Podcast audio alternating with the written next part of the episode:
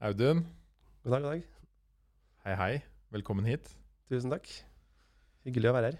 Du, jeg uh, har gleda meg Ja, til denne episoden her, for det, dette kommer til å bli en eh, fascinerende historie for alle som hører på. ja for, for å håpe det. Vi har jo prøvd en stund å møtes nå. Absolutt. Uh, hvor skal vi starte? Altså, jeg, jeg googla deg for fem minutter siden på Eller søkte på deg på YouTube. Ja. Og så at uh, du hadde en sang med litt over to millioner views. Mm. Og du hadde flere sanger med over én million views. Ja. Og du har vært superstjerne borte i Asia. Ja, det er i hvert fall noen overskrifter som påstår det. Ja. ok. Dit skal vi komme Ja. i denne fortellingen. Mm. Men eh, altså Kan ikke du bare begynne fra begynnelsen og fortelle hva som skjedde? Ja, jeg kan eh, prøve. Det var jo Jeg pleier som regel å si at det starta med en ferietur jeg hadde i Indonesia. Eh, en helt standard tur sammen med en kompis. Vi for og farta fra øy til øy og ja, eh, hadde en klassisk norsk sommerferie på, et utlandet, skal jeg si. Kosa oss med fantastisk natur da, i Indonesia og eh, utrolig hyggelige folk. Men ikke minst uh, veldig mye god mat. Hvor, hvor var du rundt her, da? Jeg var jo der for et par år siden sjøl. Ja, okay. Ja, nei, var, vi landa Vi starta i Bali, og så for vi over til uh, en naboøy som heter for Lombok. Ja, Eh, Det gjorde vi òg. Ja, det. Ja. Og så for vi videre derifra til Labuan Bajo, som er den okay. plassen hvor uh, verdens siste gjenlevende øgler Nei, sånn de, De svære. Den, den komododragen, som de Ja. kaller. Eh, Verdens største varan, er det vel. Uh, så vi for oss og hilse på dem. og så stakk vi jo på toppen av Mont Kelimutu, som er okay. en sånn uh, et fjell som er berømt for at den har to svære vann på toppen som har hver sin farge, rett ved siden av hverandre. Uh, så ja, den var, stakk vi innom noen storbyer og litt sånn. Var det lov å sjekke Borobudur? Eh, Ja. Utenfor Joggakarta. Ja, ja. Ja, ja, ja. ja, det var en utrolig kul plass. ass. Det, var helt, det er vel verdens største buddhistiske tempel. Ja, det tror jeg det jeg stemmer. det riktig, det er jeg ja. ganske sikker på at det stemmer. Dro dere dit tidlig om morgenen, eller? Vi stakk dit for å se soloppgangen, ja. Det var helt Det gjorde vi òg. Ja. Det var vilt. Vi så bare tog.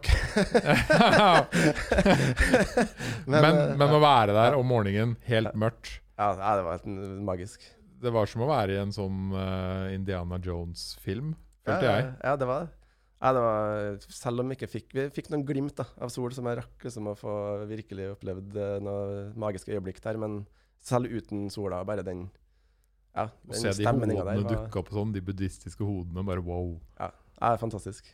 Ja, det var Og så er det vel ett tempel til der. Uh, Prambanan. Ja.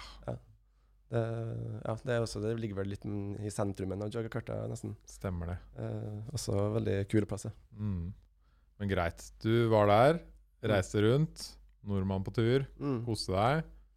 Så, Og så? fikk, ja, så fikk vi et tips på siste dagen vår. Da var vi i Jakarta, hovedstaden.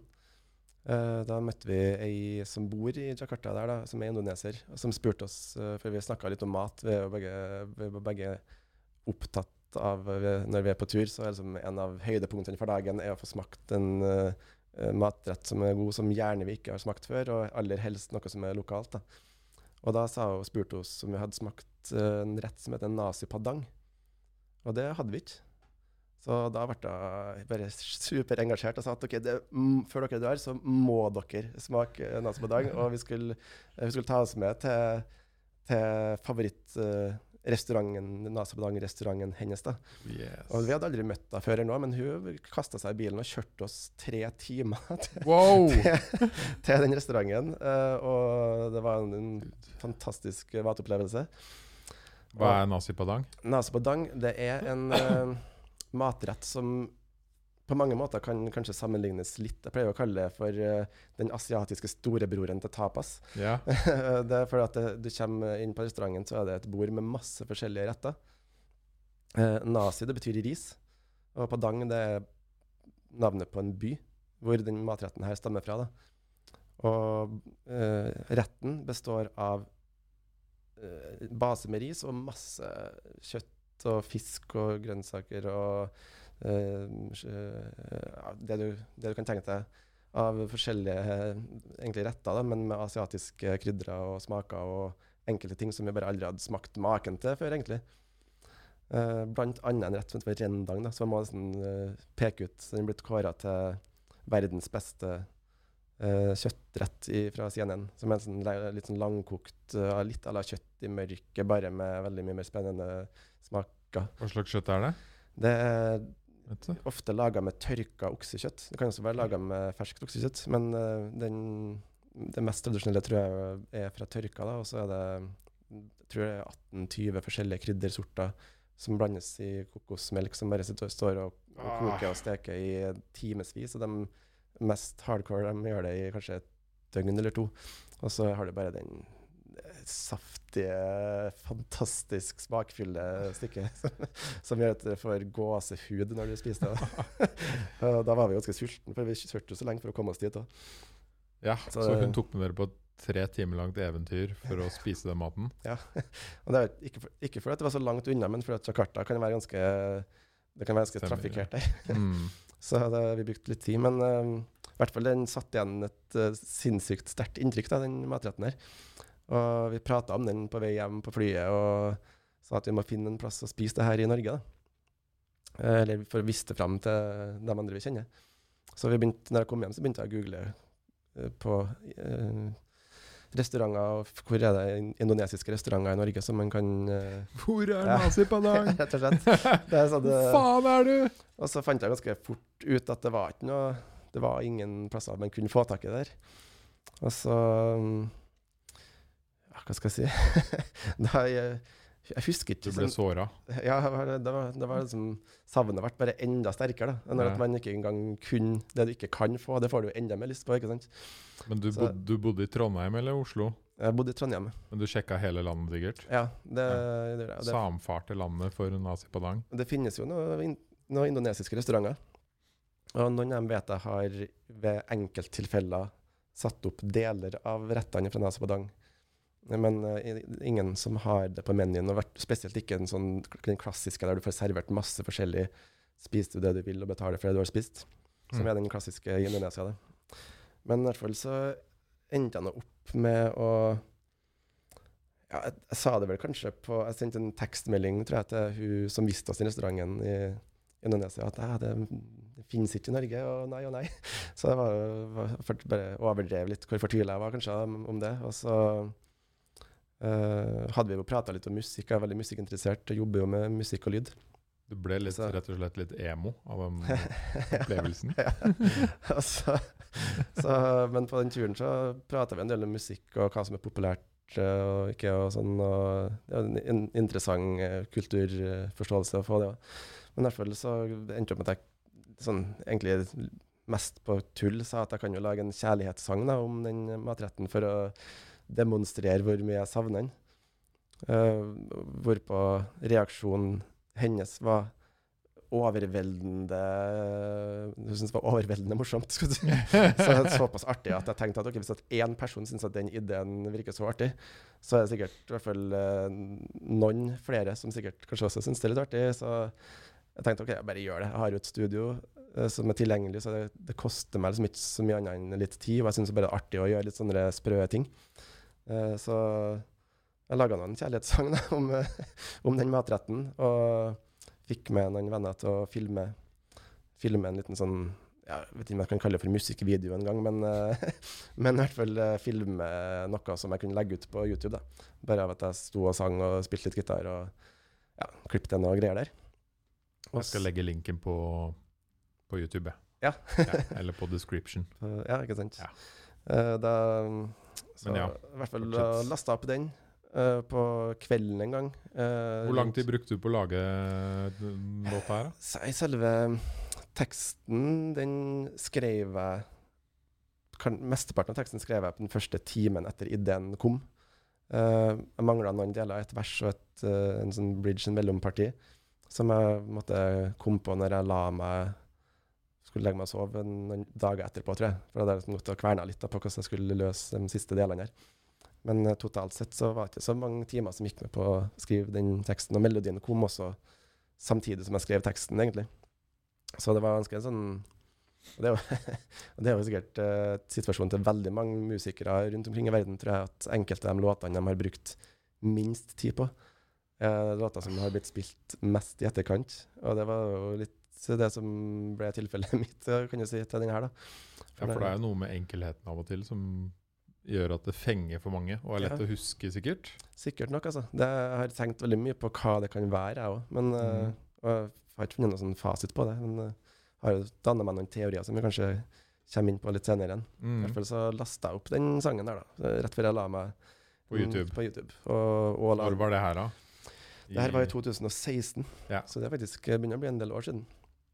Og da, når klokka er rundt midnatt i Norge, så det, var det vel da rundt klokka fem eller seks i Indonesia. Eh, på, natt, på morgenskvisten eller tidlig, tidlig, tidlig morgen. Eh, så folk begynte liksom å våkne opp da når jeg gikk og la meg. Og innen de åtte timene eller hva det var jeg sov den kvelden, så har den sangen liksom spredd seg over hele landet deres. Og TV-kanaler hadde snappa opp det. Jeg, når jeg våkna, så var telefonen min som bombardert. Og hadde, folk prøvde å ringe meg. Journalister hadde sendt meg tekstmeldinger og masse ubesvarte anrop som jeg ikke ana hva var, liksom. og, så i tillegg så hadde jeg jo en YouTube-konto som hadde null følgere. Uh, så jeg hadde ikke liksom gjort noe med settings der, så jeg hadde ikke stilt av mailvarsling. Så, hver, så hver gang det kom en kommentar der, da, så fikk jeg jo en ny mail.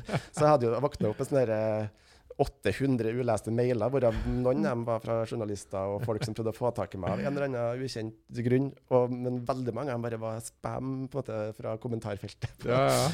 og sinnssykt mye av det på indonesisk, så jeg skjønte ikke alt som, som var sagt. Og jeg våkna opp og skulle på jobb da, ikke sant.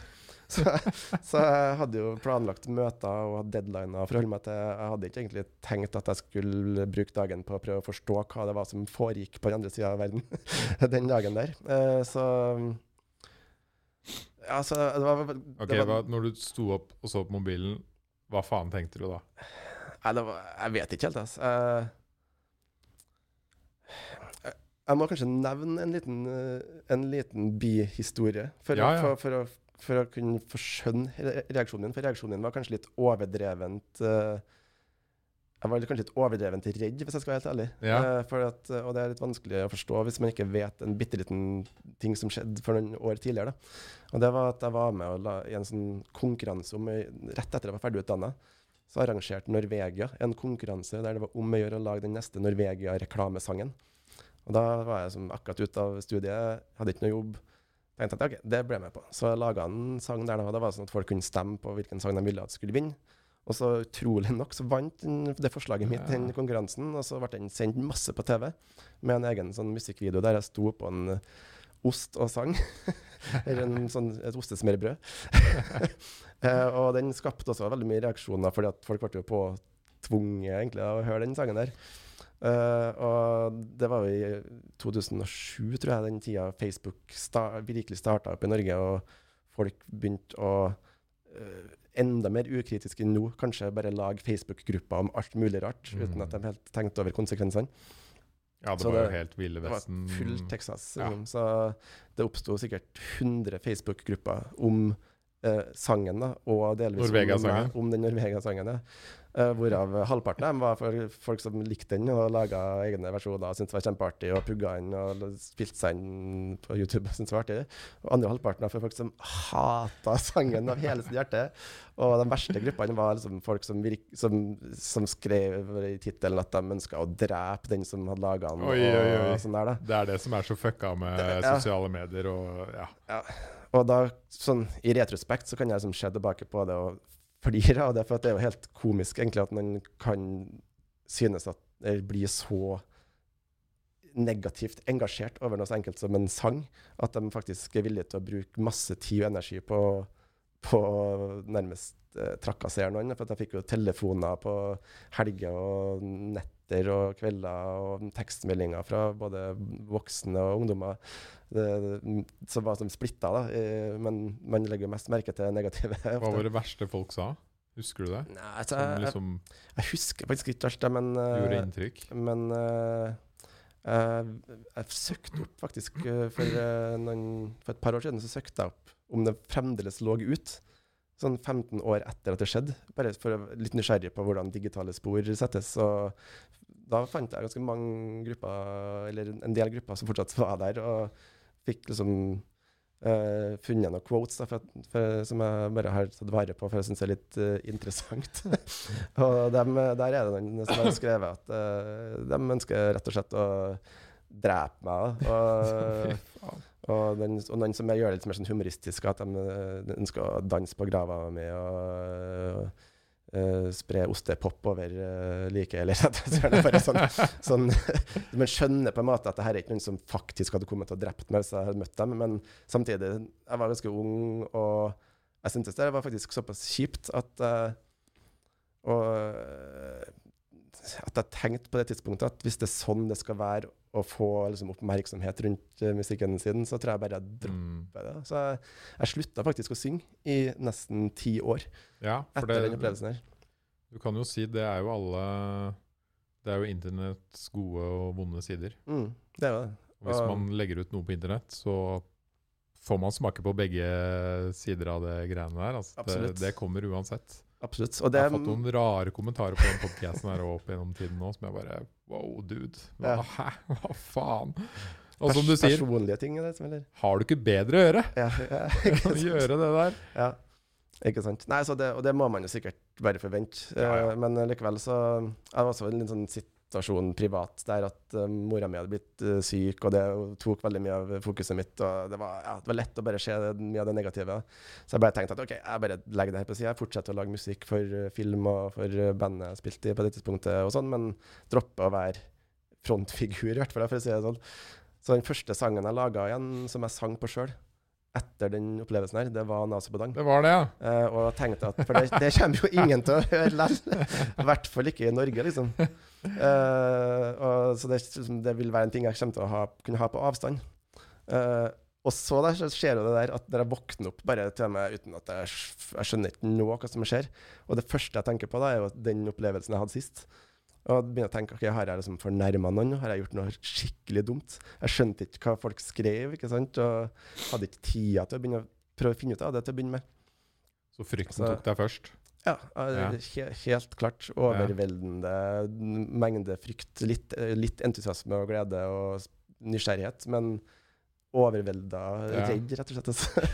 Eh, så Og så ble det ikke så mye bedre av at den første når jeg, liksom, I noen øyeblikk på jobb, da når jeg liksom, hadde noe ledige tid, så begynte jeg å prøve å google og finne ut hva som foregikk. da. Og den første artikkelen jeg finner, det er en artikkel med, der Google translata overskrifta til Indonesian netizens are mocking a Norwegian singer for making song about food. Og så er jeg, Å nei, nå har jeg gjort det igjen, liksom. og da hadde han samla fire-fem kommentarer fra YouTuben som jeg lagde på, og laga en lang artikkel om at uh, Indonesia hadde liksom bare gjort narr av en nordmann som laga Oh, no. og da tenkte, jeg, da tenkte jeg ok, ja, nå har jeg gjort det igjen, men heldigvis er det i hvert fall på den andre sida av verden en gang her, da, så da kan jeg kanskje lettere lukke Ja. litt ut.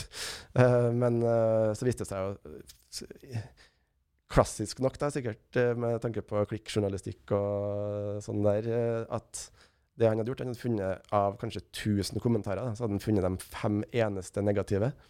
Og laga en skikkelig sånn opphausa sak om det, om det som eh, etter hvert skjønte at ok, det her er jo faktisk bare for å få lesere på, på bladet. Og folk da i Indonesia var stort sett bare ekstremt glad for at noen hadde laga den sangen her, og folk var stolt, og folk delte den til vennene sine fordi at de syntes det var artig, og ikke fordi at de var forbanna eller fornærma eller syntes jeg var en idiot.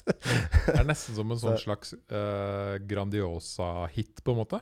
ja, Kan det sammenlignes litt med det i Norge? Er det sånn Ja, det er sammenlignbart, med unntak av at det ikke er et brand, da, kan du si. Ja, men uh, men eh, matretten vil jeg si er det, populær på samme måte som Grandiosa kanskje er i Ja. Norge. Ja. Så, mens, det Grandiosa gjør med musikk for å ja, promotere, er liksom litt samme bane. det kan man sikkert si, ja. Man At, får eh, litt på huet og liksom Ja, og man merker jo at folk er ofte entusiastisk rundt de Grandiosa-sangene, selv om det er rene reklamesanger. Og det merka jeg også når jeg laga den Norvegia. Ja. Etterpå. Skulle ikke ha sagt noe om det. Nei, det er, det er helt greit, ja. Men uh, den stolt. Ja, så det var, det, det var heldigvis, da. Det oppdaga jeg ganske sånn relativt fort. Eh, Jeg husker ikke om det var samme dag, eller eh, det var liksom gradvis i løpet av samme dagen, og etter hvert fikk jeg det mer og mer bekrefta. At det faktisk var en positiv reaksjon eh, blant 99,9% av eh, Så det, selvfølgelig du klarte å plukke opp den negative. Ja, det er jo sånn. Det er jo bare det perfekte symbol på hvordan eh, vi funker som mennesker. Nesten. Mm. At man ser det lille, den lille negative tingen. Ja. Skille det, og det velger man å fokusere på i tillegg. Mm. Men hva var liksom dag én, første døgn? Hva, hvor mange hadde Hva hadde skjedd ute på internett? Første Ja. døgn, Uh, første uka eller et eller annet sånt? Ja, i starten så var det jo først og fremst eh, bare et sånn uendelig hav av kommentarer som det ikke var Det var ikke engang vits å prøve å liksom få oversikt eller konsumere det på noe vis. Så Prøvde du å svare litt først, eller bare Ja. gal... Ja? jeg tror kanskje jeg begynte å tenke at jeg skulle gjøre det, uh, men uh, jeg ga vel opp det etter hvert. men så ganske fort, eh, samme dag, så, liksom allerede når jeg våkna, så var det jo også journalister som hadde begynt å ringe. Fra Eh, fra, fra Indonesia, først og fremst. Uh, og, men også enkelte også enkelte avdelinger i, i andre land uh, som kanskje hadde en slags connection til Indonesia, eller hadde noen så Blant annet så var det første faktiske radiointervjuet jeg hadde, det var med BBC World. Det er så sykt, det. Ja, og det var, sånn det var også uh, før jeg hadde helt kartlagt om det her var positivt eller negativt. Så da Mm. var jeg veldig, veldig veldig spent. Og jeg hadde ikke noe særlig mediatrening på det tidspunktet fra før. Og skulle snakke eh, engelsk da, og var skikkelig spent på om jeg kom til å bli liksom konfrontert med at jeg har vært respektløs på et eller annet vis. Kanskje, for jeg visste jo ikke helt da, hva, om det kanskje hadde vært at man tråkka i salaten, liksom. Så, men eh, det var jo Ja, heldigvis uh, viste det seg at det var, ei, det var ei fra BBC World i London som uh, hadde flytta til London fra Indonesia, og som bare syntes det var helt sykt artig at man hadde laga en, en sang om uh, maten deres, og det der måtte jeg lage en sak på, og bare ville lage den gladstoryen. og det, det var jo det som skjedde egentlig gang etter gang etter gang. Det var bare masse forskjellige sånne gladsaker som dukka opp. Og så, men så gikk det ikke så veldig lang tid før, uh, før det ble en egen sånn hashtag uh, på Instagram der at det var, som het Nase Padang cover song. Der at folk begynte å lage sine egne versjoner da, av den sangen. Selvfølgelig.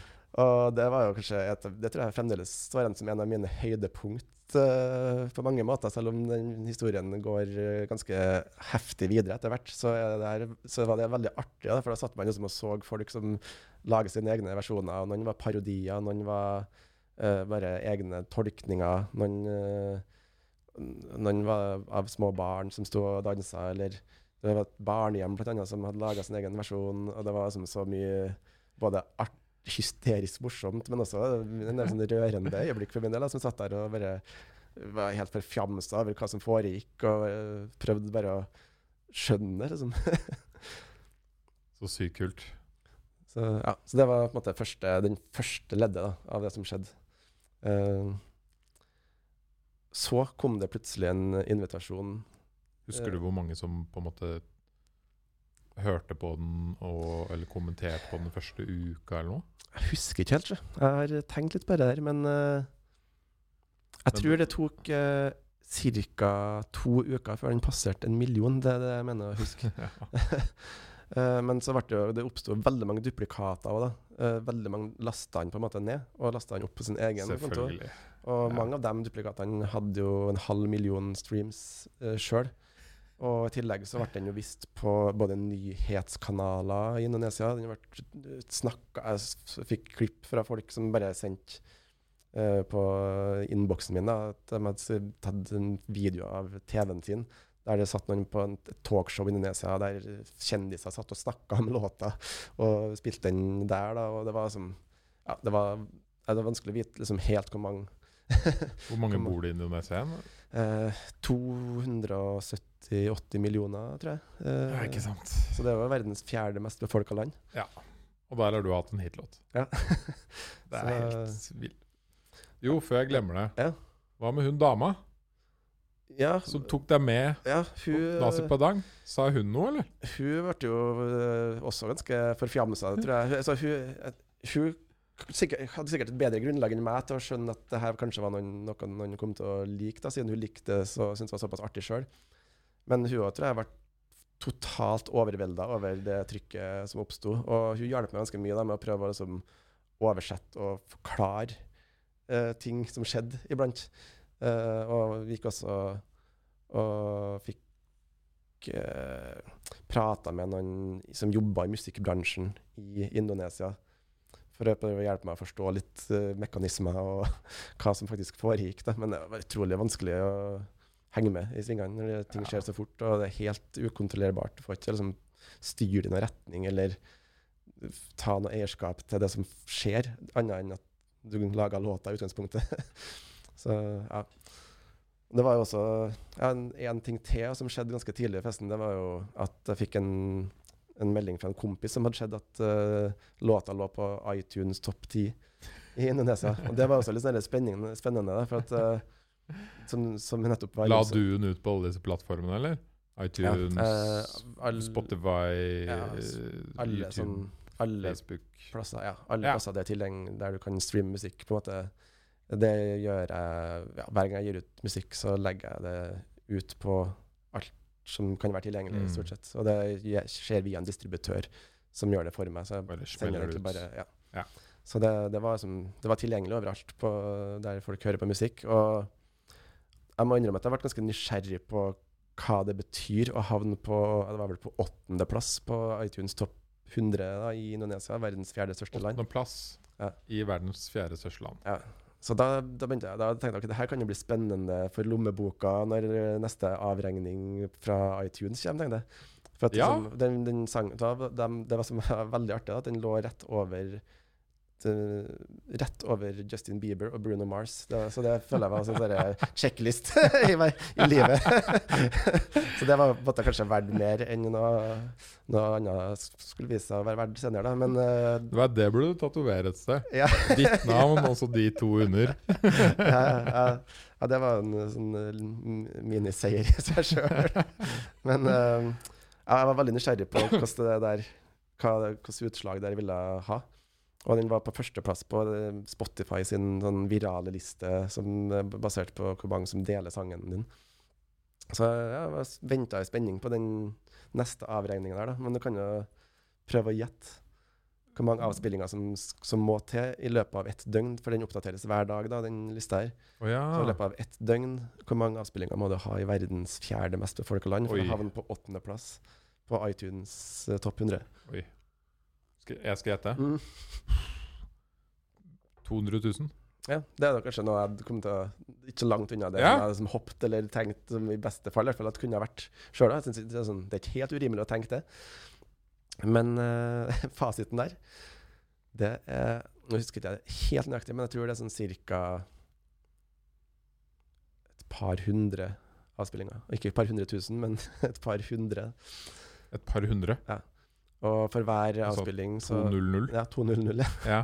Så for hver avspilling så får vi som har laga låta, eh, ca. tre kroner eller to kroner. Så jeg har tjent en sånn 500-lapp, da. på den, på den eh, åttendeplassen. Å ja, fordi folk der ikke bruker iTunes? Ja, Eller, Rett og slett. Ja. Rett og slett. Ja. Uh, og, Så det var litt feil. Det var så, ikke altså, det skal sies at jeg hadde jo også lagt ut den sangen på eh, for gratis nedlasting. For at jeg, når jeg laga den, så tenkte jeg at okay, det, det er jo For det første ikke noe jeg hadde tenkt at kom til å få så sinnssykt mye oppmerksomhet, men heller ikke noe som jeg hadde noen planer om å tjene penger på. Og det var mer som en sånn takk-hyllestlåt for å sånn, hedre landet og eh, ferieturen jeg hadde hatt der, og maten jeg hadde satt så pris på, hvis du skjønner. Så jeg hadde liksom jeg hadde, så jeg hadde lagt ut låta gratis på min egen side, så hadde ikke folk kunne bare hente den derifra. Men, eh, Men eh, likevel så var det veldig mange Den nedlastingskulturen er veldig annerledes i Indonesia. Den er litt mer sånn som den var i Norge på 90-tallet og kanskje starten av 2000-tallet, når folk laster ned MP3-er fra, Mm. fra fildelingstjenere, servere osv. Eller Full sånn piracy. ja, full piracy. Og jeg må jo være såpass ærlig og innrømme at jeg har vært skyld i å laste ned, laste ned musikk sjøl i mine Det ringe tror jeg dager. de fleste har vært. Uh, så jeg føler også at det var litt sånn karma som beit meg i ræva. Når jeg endelig fikk en låt som ble skikkelig godt mottatt, så var det i, i et land som fortsatt uh, behandla musikk på samme måten som jeg sjøl behandla den som ung. så jeg tenkte at okay, det, må jeg bare, det må jeg bare ta med et smil. Det, det er ikke noen annen måte å gjøre det på. Men jeg fikk meldinger fra folk som sa sånn Hei, Kvitland, nå har jeg lasta opp sangen din til mp3shares.com som en sånn positiv ting. da. sånn at nå har de bidratt uh, hjulpet meg. så det er helt, helt annen kultur for det der. Mm. Uh, så ja. Men det var en sånn interessant bistykke. Ja, ja. ting som skjedde helt i starten. Da, når det, og en, altså, en litt interessant lærdom, da, hvor lite som egentlig skulle til for, eh, for å havne på den lista i et så stort land. Mm. Det var jo litt, eh, sjokkerende, det. Sånn, det. Ja, fordi i Asia så har jo folk så å si ikke iPhones. da. Ikke sant? Det er Det er jo en grunnen. stor faktor, Ja. selvfølgelig. Mm. Det er jo Android som regjerer, Mm. og Huawei og de Ja. andre telefonene. Ikke sant? Så, men i hvert fall, derifra så hadde jeg egentlig kommet til et punkt der jeg allerede hadde begynt å tenke et par ganger at nå er det ikke så mye mer som kan skje, på en måte, som overgår det jeg allerede har opplevd. Totalt crazy shit det som har skjedd Ja, ja, allerede. ja, for det, det, jeg var liksom allerede fornøyd, for å si det mildt. Jeg var, var fått, følte at jeg hadde fått mer tilbake enn jeg kunne liksom drømt om. Jeg syntes det var så artig å sitte og se på de parodiene og alt det der. Og Men- mobilen hadde gått varm hver dag. Og, ja, ja. Så det var jo en, bare en erfaring som man ikke kunne ha som, eh, kjøpt. Så, men så kommer det, da. Eh, da har den nyheten spredd seg såpass at eh, eh, guvernøren fra Vest-Sumatra i Indonesia, som da er provinsen hvor Padang er provinshovedstad, hadde fått med seg det her, da, at det var noen som hadde laga en sånn hyllest. Så han, og for så vidt også ordføreren i Padang, hadde, har sendt hver sin invitasjon. Uh, det, der de ønska at jeg skulle få komme nedover dit og få spise nase på igjen. Da. Så, og da sammen med dem på residensen til guvernøren i Vest-Sumatra. Og det var på det tidspunktet der at jeg tenkte at OK, det her kan bli en spesiell uh, historie til slutt. Så da ringte jeg en kompis av meg som heter for Audun Amundsen. Du har jo kanskje snakka med han? Stemmer. Og han er dokumentarfilmskaper og har tilfeldigvis bodd i Indonesia i mange år, så han snakker språket deres. Eh, og jeg spurte han du, nå er det noe som foregår her. Eh, jeg har blitt invitert av guvernøren eh, i Vest-Sumatra til å komme og spise middag sammen med en pga. en kjærlighetssang jeg laga. har du lyst til å være med? og han er jo superspontan fyr, Altså, han bare jeg, jeg skal si at jeg hadde nevnt sangen til han, jeg visste, visste den til han fra før, så han visste at jeg skulle gi ut den sangen her. Men han var i New York på den tida, på det tidspunktet, så han hadde kanskje fått med seg fullstendig oppstyret, bortsett fra at han hadde faktisk fått meldinger fra folk for at han har samme fornavn som meg. Oi, det var der. Ja, ja. Så han, det var indonesere som sikkert visste at han, han var nordmann. Eh, han heter Audun. Og de har hørt at det var en Audun nordmann som hadde laga den sangen her. Og så hadde begynt de å sende meldinger til han òg. Men i hvert fall, så han slengte seg med. da. Og da, på det tidspunktet så tenkte vi at uh, kanskje Kanskje kunne bli en liten sånn reportasje eller noe sånt, som vi kunne liksom få med oss tilbake. En artig lite minne fra den, et eller annet uvisst som vi skal gå inn til. Men da skulle vi i hvert fall til, tilbake til Padang og få spise sammen med guvernøren i, og en hel gjeng egentlig med fiffen fra Padang, kan jeg kanskje si. Som eh, ja, Big boys. ja, big boys. Eh, så man kan jo nesten ikke si nei til det. Eh, Nei, det er jo liksom Du får ikke så mange sånne muligheter i livet. nei, det er en sånn er det én gang i livet jeg har tenkt at det her kommer jeg aldri til å få muligheten til igjen hvis jeg sier nei. Så det, var, det har sjelden vært tydeligere for meg enn da, for å si det sånn. Så det måtte jeg bare prioritere og få, få til. Så jeg, prøvde, så jeg fikk ordna meg litt, eh, litt fri fra jobb, rett og slett. Så jeg tok noen uker der jeg tenkte ok, nå bare drar ned dit. Har en middag, og ikke så mye andre planer, men uh, se hva som skjer. og så um, Fikk du turen og sånn, eller?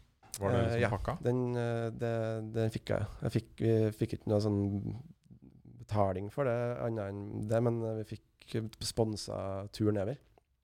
Og i tillegg så var jo det Når vi landa på flyplassen der, så ble vi jo møtt Uh, Møtt på en måte som jeg i hvert fall aldri noensinne har forestilt meg at skulle kunne skje. For da, hadde de, da, vært, da kom vi liksom inn på flyplassområdet og ble guida rett ut ei sånn bakdør. Og satt inni en stor, svart bil da, og som bare kjørte oss bort til et sånn anneks som var litt utenfor flyplassen.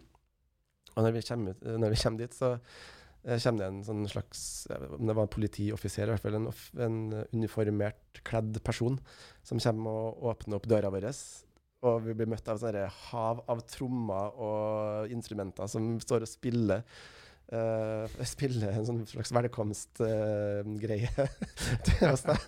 Og det kommer uh, eh, to eh, vakre damer kledd i en sånn tradisjonell indonesisk eh, drakt eh, med store hatter og kommer og skal gi oss noen blader, som er en sånn velkomsttradisjon der man skal rive av et blad og spise en bitte liten bit av denne bladet, og så fikk vi en hatt hver. Og så ble man liksom guida gjennom den tunnelen av eh, musikere som sto og tromma. Og, og det var bare en sånn helt Unnskyld.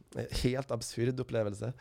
Der, at man, der jeg oppriktig tenkt at nå har de tatt feil, liksom. Det her, det her må være til noen andre enn oss. Uh, og heldigvis så hadde Audun Amundsen skrudd på kameraet, så vi fikk liksom bevis. For jeg tror ikke at jeg kunne ha fortalt det her til folk og fått folk til å tenke at det var sant, nesten, hvis at uh, ikke hadde hatt det, det kamerabeviset der. Så, og når vi fortalte om det til NRK, så de måtte jo ringe De ringte ned til Jakarta Post for å sjekke om det her kunne stemme, når, når, når, når de fikk høre om den historien her.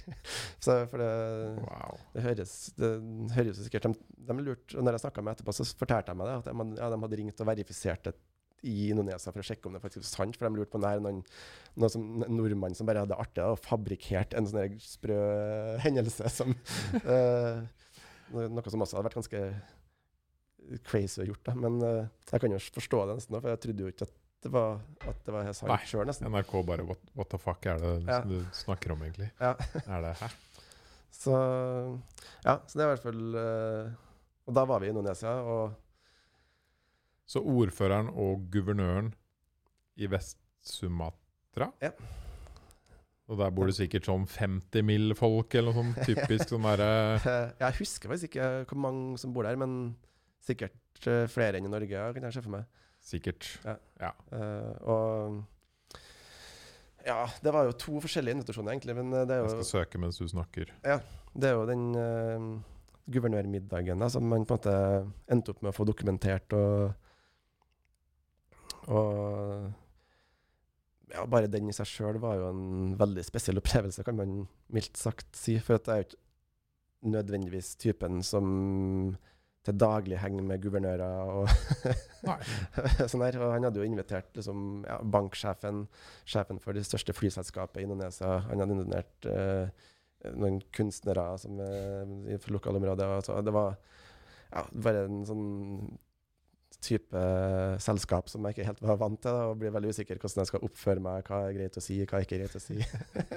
og, og i starten der så var det, var det kanskje litt sånn det bar kanskje litt preg av en klein stillhet, vil jeg kanskje, vil jeg kanskje, må jeg kanskje innrømme. Mm. Uh, følte meg veldig sånn ja, utilpass, kanskje. Uh, selv om jeg syns det Tror du også Tror du de også ikke helt turte å snakke med deg? Og du ikke turte å snakke med dem, eller hvordan var uh... Godt spørsmål. Det var jo en stjerne.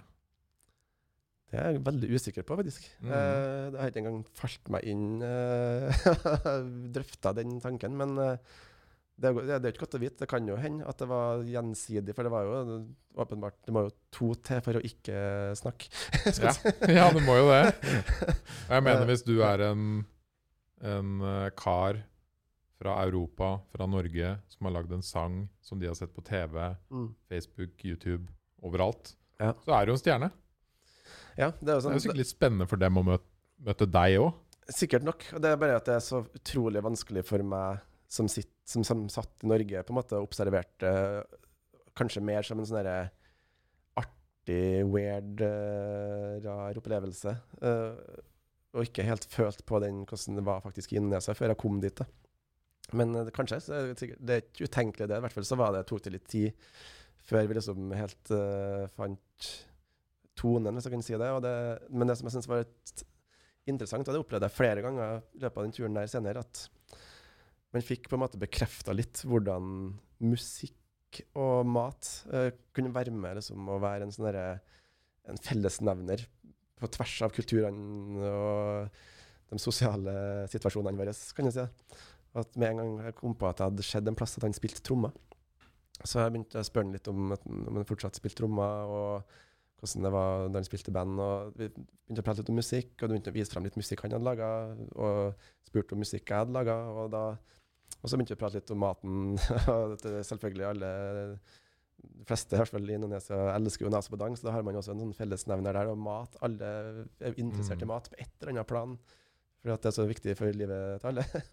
Så jeg fikk en sånn ekstremt sterk bekrefting på hvor, hvor eh, hvordan funksjon mat og, og musikk eller sånn, den typen kultur kan være på ja, nærmest uh, bygge litt sånn bro da, mellom uh, de kulturforskjellene og, og sosiale forskjellene som vi kanskje som vi hadde. Og så etter det så ble det mye naturligere å prate om andre ting òg. Mm. Det er veldig bra sånn icebreaker, som Ja. eh, samtalestarter. Mm. Alle har det til felles. Ikke sant? De fleste elsker mat, Mm. og de fleste elsker noen form for musikk. Ikke sant? Mat har jo blitt brukt som et diplomatisk virkemiddel enkelte ganger til meg. Mm. Uh, så jeg, det var jeg som hadde laga en sånn doktorgradsavhandling om uh, matens rolle i uh, diplomatiske forhandlinger eller Mm. sånn der. At, og jeg, lest, jeg leste bare en, sånn, et utdrag av det, så jeg har ikke satt meg inn i det. Altså. Men det, det, jeg, jeg vet, måtte bekrefte litt den funksjonen mat kan ha.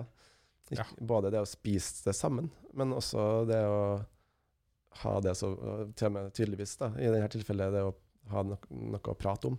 Ja. Var det bra Nazi Padang den første der, eller? Det var så bra.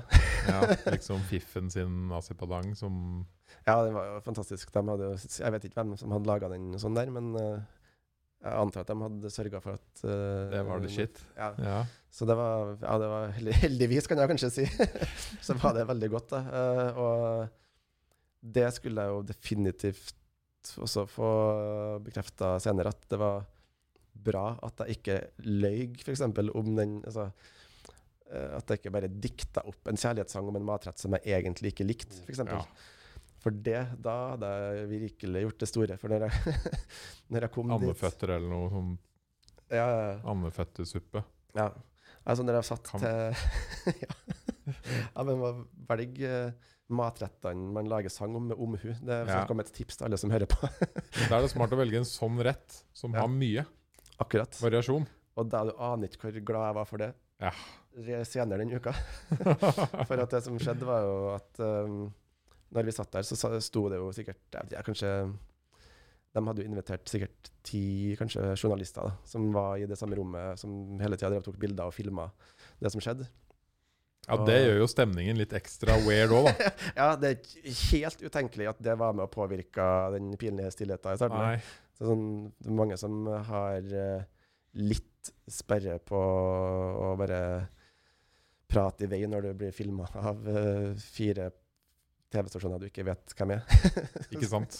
Så det, det er nok en faktor. Men i hvert fall, eh, det førte jo til at det ble fort, ganske, ganske fort kjent at jeg var tilbake i landet.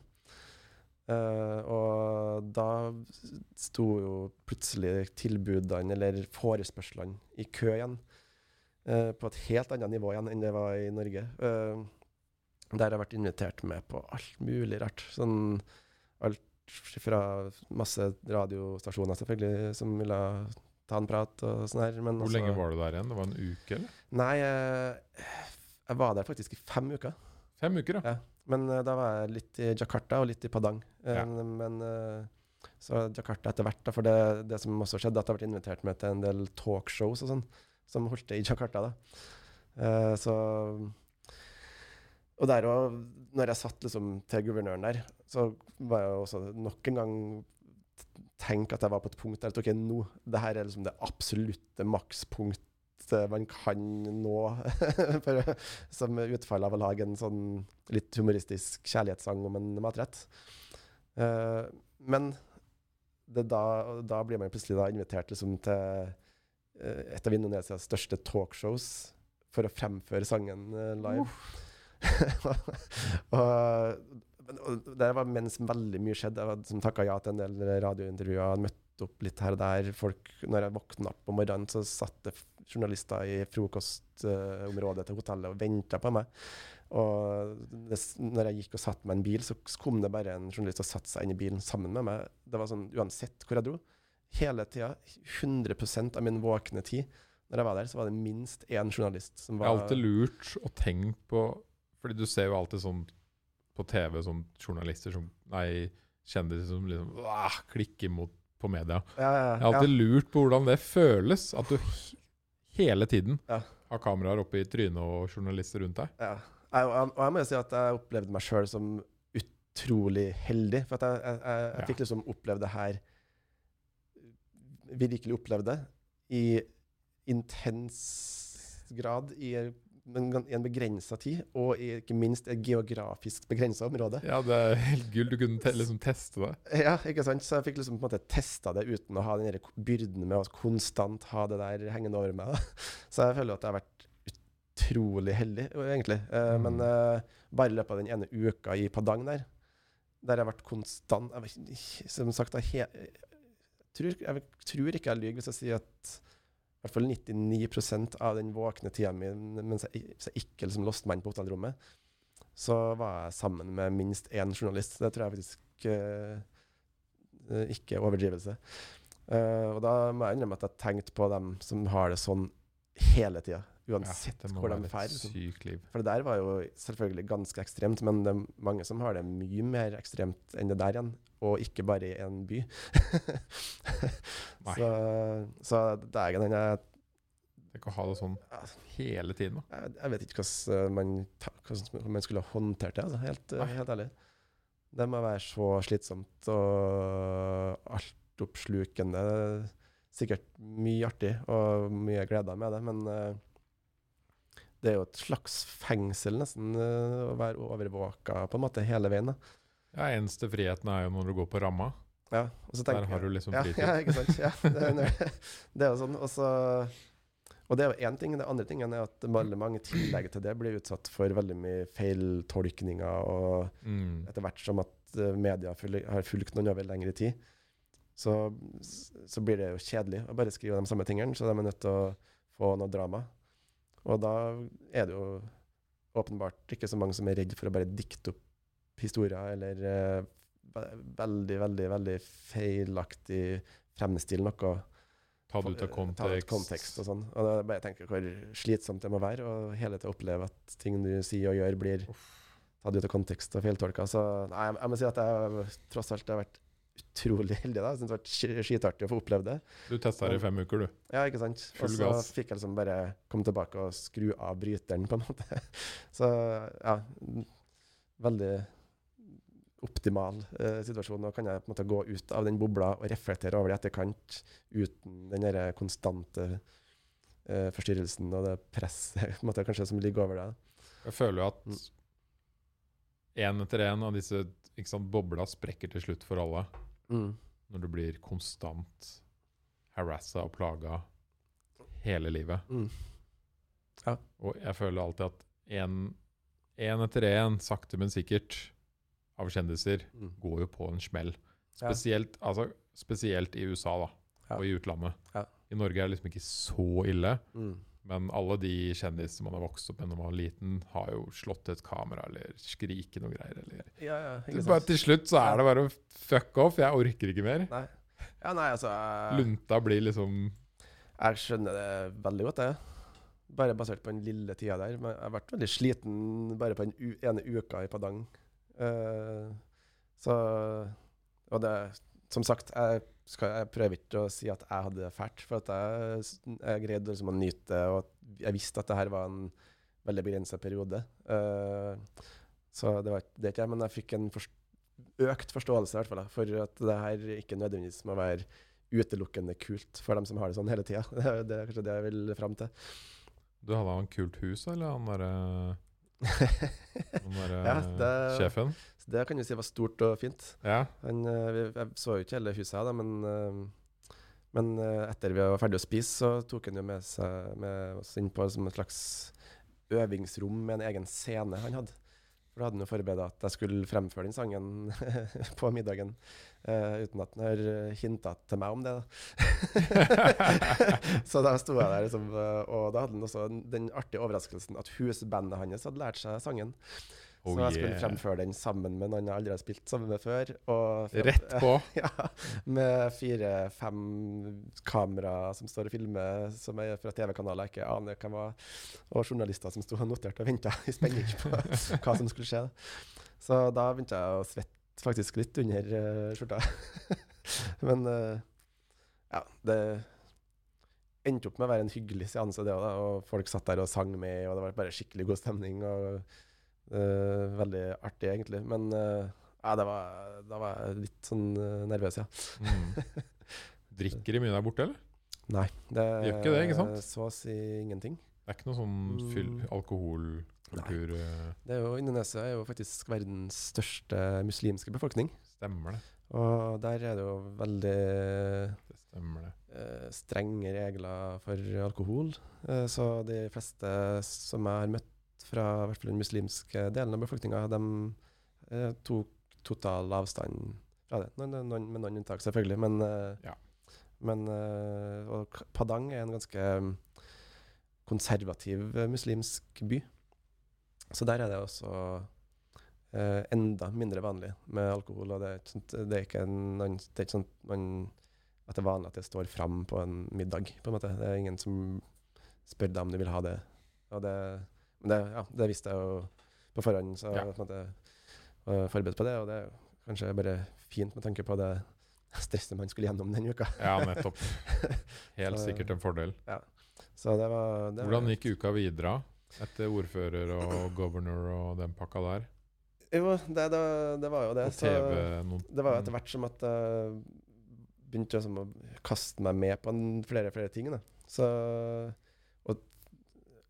liksom, jeg rakk ikke, jeg kunne ikke si ja til alt som skjedde. Men, uh, men jeg hadde jo lyst til å måte, være med på litt når jeg først var der noen uker òg.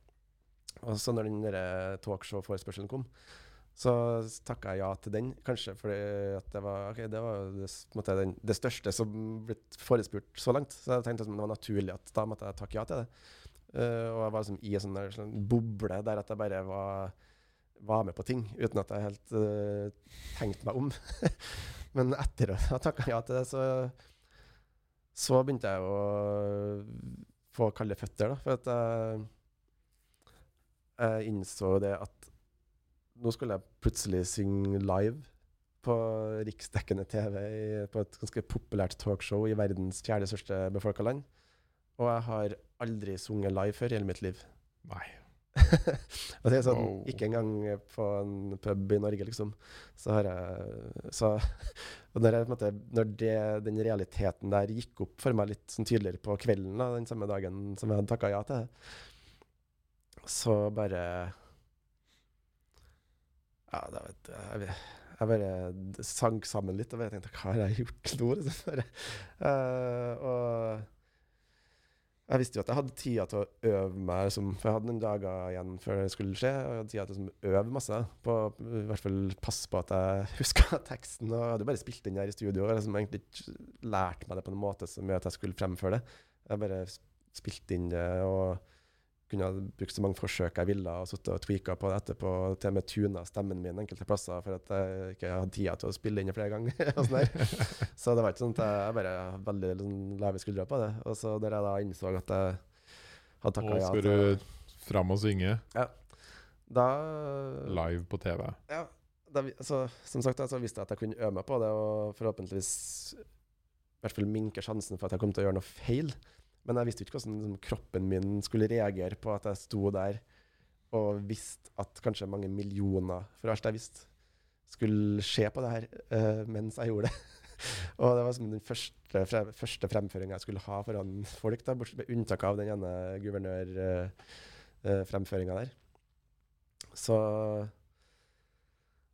ja, da, da fikk jeg en liten sånn meltdown nesten eh, da. Og ble var redd for at jeg skulle liksom besvime eller spy eller tisse meg ut på scenen. Der. Jeg, ikke, jeg, jeg hadde ikke noen måte å øve meg på hvordan kroppen min skulle takle det. Jeg, hadde, jeg kunne bare øve meg på teksten og melodien og sangen og stemmen. Liksom, men eh, Ja, altså alle kjenner seg igjen og presentere ting og synge ting. Og Ja, ja. bare for en liten klasse er jo skummel. Liksom. Ikke sant? Og det er jo det, det, det lille sammenligningsgrunnlaget jeg kanskje hadde. Det var at jeg synes det var definitivt mer enn skummelt nok Og skal holde en presentasjon for uh, 30 stykker, hvis du skjønner. altså, jeg er jo ikke en vokalist i det hele tatt. Eller egentlig. Jeg syns jo det er artig å synge, jeg synes det er artig å skrive sanger og sånn der, men jeg er på en måte ikke en live vokalist. Så jeg ser ikke på meg sjøl som det. Jeg syns det er artig å drive på med det, men Nei, så det var Da, da fikk jeg så såpass panikk at, uh, at jeg kontakta ei, ei som heter Kirsti Huke, en norsk uh, jazzsanger som bor i Trondheim. Så hun eh, hun ga meg rett og slett et sånn derre nødhjelps... sangnødhjelpskurs. som eh, som eh, jeg, vet, jeg, tror, jeg tror faktisk det hjalp litt. Fordi at, eh, ikke fordi at hun meg rakk hun, sikkert hun rakk ikke å gjøre meg bedre til å synge på den korte tida der, men eh, det var, det var sikkert en sånn sang- førstehjelpskurs kombinert med psykologitime. Ja, det er kanskje eh, mer psykologitimen som ja. var viktig. ja, jeg tror det. altså. Den der, eh, Hun ga liksom tips til hvordan man skal liksom føle seg litt sånn jorda og i kontakt med liksom Hva sa hun da? Hva var Nei, eh, så de gode det- rådene? Hun kommenterte hvordan jeg pusta, eksempel. At du så på at når jeg ok, prøver å trekke pusten dypt, og så så hun at det gikk ut i brystet mitt i stedet for at det gikk ut på magen. Og så sa jeg at jeg prøver å gjøre det samme, men at du trekker pusten sånn at du kjenner at det er magen din som går ut i stedet for uh, brystet. Og kjenner, kjenner du da at det kanskje slipper litt, uh, det knuten, knuten du kjenner i brystkassa, liksom. Og bare sånne små grep som det da, hjelper jo litt.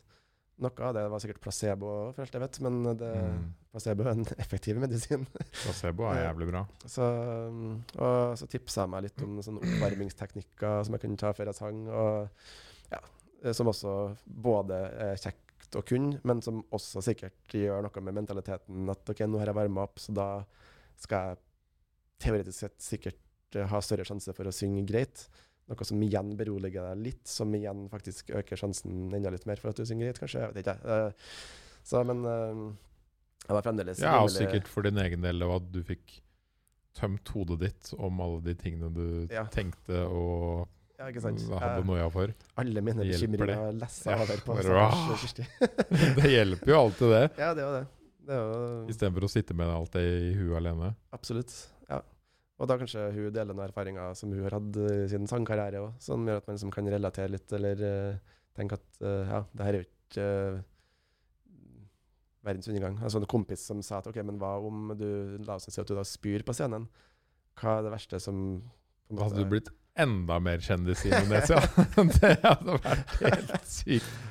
Ja, det er stort sett ikke tenkt på det, men egentlig, men eh, sa- samtidig hadde poenget vært som at ok, men hva er det verste som kan skje? Eh, OK, du får kanskje noen kommentarer på det på et eller annet tidspunkt, liksom, men verden går nå videre. Liksom. Det er jo ikke Verden er større enn enn at du skal svare på scenen og synge. Så det er jo noe med å på en måte sette litt i det type perspektiv òg. Så, men likevel, jeg var jeg er pissnervøs før jeg gikk ut på den scenen der. Og Hvordan var det studioet?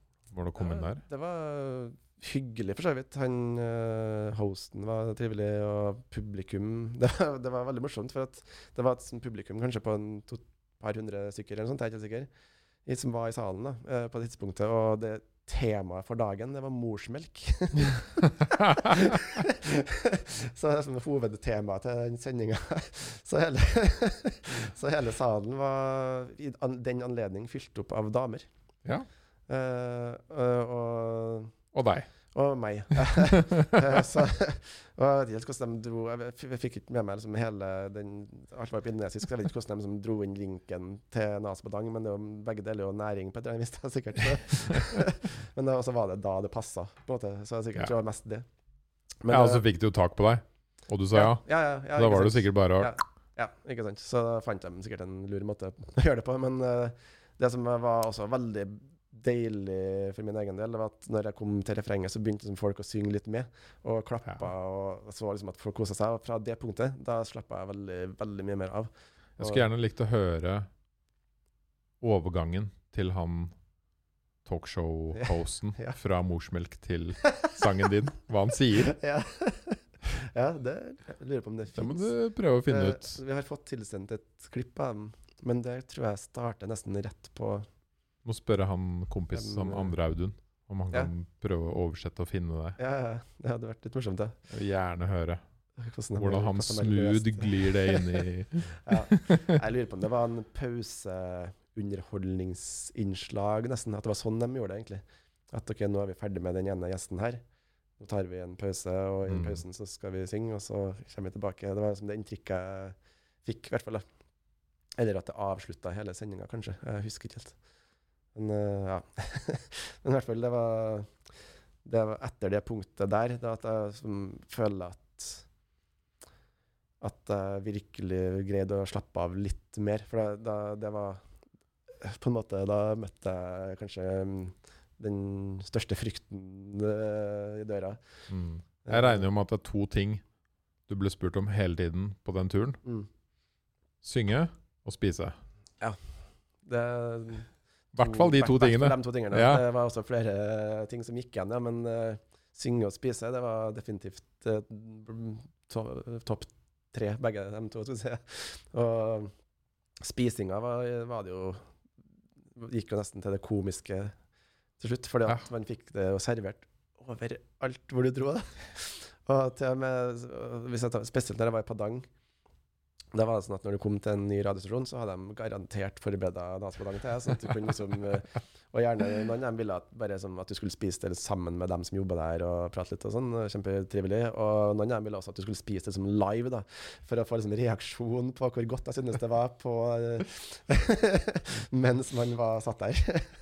og nok en gang veldig glad for at uh, faktisk en rett jeg synes var så god Ja. som den var, og at jeg har så mange forskjellige ting, så jeg kunne liksom velge kylling den ene gangen, og fisk den andre gangen, og vegetar den tredje gangen, suppe, og så sjømat, og så oksekjøtt, og så Men er det også stor variasjon på kyllingen i den Eh, retten og fisken i den retten?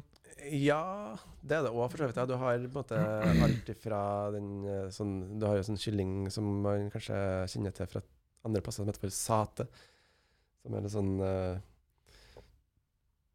Litt sånn søtlig eh, stekt kylling på et spyd, for eksempel. Ja, det er digg. Ja. Utrolig godt. Så, og så har du også noe En annen kyllingrett kan være tilbereda i en currypaste, som bare er fullstendig annen smak, sammensetning, enn den andre kyllingretten. Og så har sikkert Mm. familier sine egne Ja, Det er jo litt Mm. som å gå og spise tapas i Spania eller noe. ja, ja, ja. Du får ikke to helt identiske tapasbord, uh, på en måte. Så ja, det er veldig Jeg syns tapas er den letteste sammenligninga for å prøve å forklare på en måte hvordan den retten funker. Det er bare helt andre smaker og måter å tilberede det på. Men eh, ja, var det? hvor var vi? Jo, jo, du jo, at det var på den eh, at alle ville at du skulle spise det. Så jeg tror i løpet av de par ukene, første ukene her, så spiste vi det kanskje i snitt ja, to til fire ganger om dagen, i hvert fall. Eh, Spiste du noe annet? Ja, det var- noe tid nå. på, ja, det var hotellfrokosten der som Ja. eh, ble annerledes. eh, men den gangen så var det jo lina opp ting som gjør at det, man bare ble, gikk rett ut fra rommet og så kjørte til en eller annen plass. på en måte. Og, eh, så det var Og eh, jeg ble jo jeg ble aldri på en måte skikkelig lei av det, sånn at jeg ikke likte det lenger. Men det var sånn at jeg, på slutten så begynte jeg virkelig å savne noe litt sånn lettere mat, bare spise. For at den er ganske heavy. Den, det er mye sauser, som det er mye Mm. feit kokosmelk, og det er som det, er ikke akkurat, det var ikke akkurat en slankekur jeg var på den, på den turen her, for å si det sånn. Det er sånn uh, pleasure food, holdt jeg på å si. Ja, litt det. Ja. Og festmat og det, det er mange For eksempel, nå er det jo ramadan, uh, og siste dagen i ramadan, så uh, Eller den dagen fasten er over, da. da er det Jeg tror så å si alle i Indonesia spiser uh, i hvert fall den ene retten fra Naspadang som heter for rendang, som jeg nevnte tidligere. Det er liksom den hovedfestmåltidet, en måte. Der man deler, og da er det sånn deletradisjon med at uh, også dem som kanskje ikke har, har råd til sin egen. Dem, uh, folk lar døra si stå åpen, på en måte, eller eh, Mm. Kanskje spise det litt ut og invitere naboer og nabolaget og samfunnet sitt rundt seg. Så sørge for at alle sammen skal få spise noe godt den, den dagen der. da. Det var også mitt inntrykk da jeg bodde i India. Ja. Når det var liksom nasjonaldager eller Mm. ritualer eller eh, seremonier eller et eller annet lignende. Spiste, hadde de en, spiste de noe spes spesifikt da, eller var det bare eller spiste noe godt? Nei, for det er veldig forskjellig fra nord og sør. Ja. I sør er det mye risretter Mm. og øh, ikke sterkt i det hele tatt. Nei. Og i nord er det mye mer av dette brød og saus, brød curry, ja, oppsettet. Mm. uh, og sterkere. Mm. Der tok de vare på eh, lokalsamfunnet sitt litt. Ja. ja. Det føltes sånn. Ja. At alle liksom var velkommen rundt bordet, og, og, og at man delte. Mm. Vi hadde jo Jeg var med familien. De kom og besøkte meg sånn midt i oppholdet, kanskje. Mm. Og så kjørte vi fra sør-øst til sør-vest, rett gjennom landet. Mm. Langt ute i, landet der, så med palmer og liksom Langt utafor byene. Mm. Så kjørte vi forbi et bygg hvor det var masse folk, og det så ut som det var noe bryllup eller noe. Mm. Og jeg bare Hei, vi stopper og ser hva som skjer. Ja. Og foreldrene mine bare Nei, nei, nei, du kan ikke gå og se på noen sitt bryllup. Og da hadde jeg vært i India et halvt år, Ja. så jeg bare Jo, det er akkurat det man kan i India. Ja. Vi stopper. Ja. Og så stoppa vi bilen og gikk ut. Ja. Og da kom de som gifta seg, løpende bort til oss. Og bare Altså, bare, vi bare måtte komme inn. Ja, ja. Og de dekka på til oss ved siden av brudeparet. Nei. Det er fantastisk. og fikk bare Der, det som er kult, bryllupsmaten er ganske likt satt opp. Ja. Du får liksom bananblad, Mm. og så går det bare folk konstant i mange, mange, mange timer Mm. og liksom klasker på en sånn liten klatt med liksom én og én ting. Nye ting, da. Hele tiden. Ja. Hele tiden. Fantastisk. Det hørtes jo helt Det er, det er liksom Indias Ja. nasi-padang. ja, ja. Har, Ja. har de et navn, eller? Et- Det må jeg prøve å finne ut. Kanskje man har neste låt. Altså, de har i hvert fall en sånn rett som heter uh, thali, Ja. som er uh, sånn masse små. Ja. Jeg mener det heter ja, Tali. Ja. Det er masse sånn små retter. Mm. Men sånn ekte indisk bryllup, hvor du får det bananbladet Mm. Ja, det, Ja. hørtes jo ut som en Indian style meal made up of various dishes. Ja, ok. Så ser du der. Ja, ja, ja. Det ser jo litt sånn risbasert ut. Der. Ja, det er faktisk det er risen, og så er det masse curryer, og så kommer det grønnsaker, og så kommer det etter hvert brød. Mm. Og er du på bryllup, så det, det slutter aldri. Nei, ikke sant. Det bare Og så klasker de liksom på én etter én ting. Fantastisk. Og så blir du mett, og så bare Å ja, nå begynner brødet å komme. Ja. Nå er det neste Nå begynner liksom neste nivå, egentlig. Ja, ja. ja, det måtte ha vært en fantastisk både kulinarisk og generell opplevelse, kan du si. Det var helt utrolig bra. Ja. Og familien satt der og bare Wow. Hva skjer nå? Ja, wow. Det er litt annerledes enn å sitte på de der eh, sykt ubehagelige kirkebenkene vi har i Norge, Ja, ja. og høre på et litt sånn traust, eh, typisk norsk eh, bryllup, ja, ja. for å være helt ærlig. ja. Nei, det, det er forskjell på det, tror jeg. Jeg har vært en liten tur i India og, ja, opplevd liksom den Det er mye artige kulturforskjeller der mellom Norge og India. Veldig. eh, På en eh, ja, fantastisk eh, levende land, virker det som. helt utrolig fantastisk. Mm. Absolutt. Og som du sier, kulturforskjellene og matforskjellene og musikk. Mm. Alt det gjør det så spennende og eksotisk. Ikke Og så er det veldig sunt for hodet å være så langt unna en stund, Mm. og så komme tilbake. mm. Da kommer du med litt nye tanker om hvor bra vi har det i Norge, blant annet. Ikke sant. Ja, det er jo litt den, eh, den der kulturforskjellene her er også en av de tingene som jeg har virkelig uh, satt pris på med, med den opplevelsen jeg hadde òg. At jeg har liksom fått blitt liksom kasta hodet først inn i en inn i den, det eventyret der, men som i tillegg var i en helt annen kultur enn jeg er vant til. Mm. Som har vært både veldig lærerikt og tidvis utfordrende òg, selvfølgelig. Jeg har jo jeg ga ut en indonesisk versjon av sangen. Ja. eh, et, etter ganske mange forespørsler fra folk som uh, ønska å høre den på sitt eget språk. Det, det er mange som snakker bra i en- engelsk men også veldig mange som ikke snakker noe særlig nesten i det hele tatt. Eh, og Først tenkte jeg at det går jo ikke an, for jeg kan jo ikke indonesisk. og Det, det hørtes ut som en sånn u, umulig oppgave, egentlig, nesten. da. Eh, men samtidig så likte jeg litt tanken på, å, eller på den utfordringa med å, finne ut om det kanskje var mulig. Mm.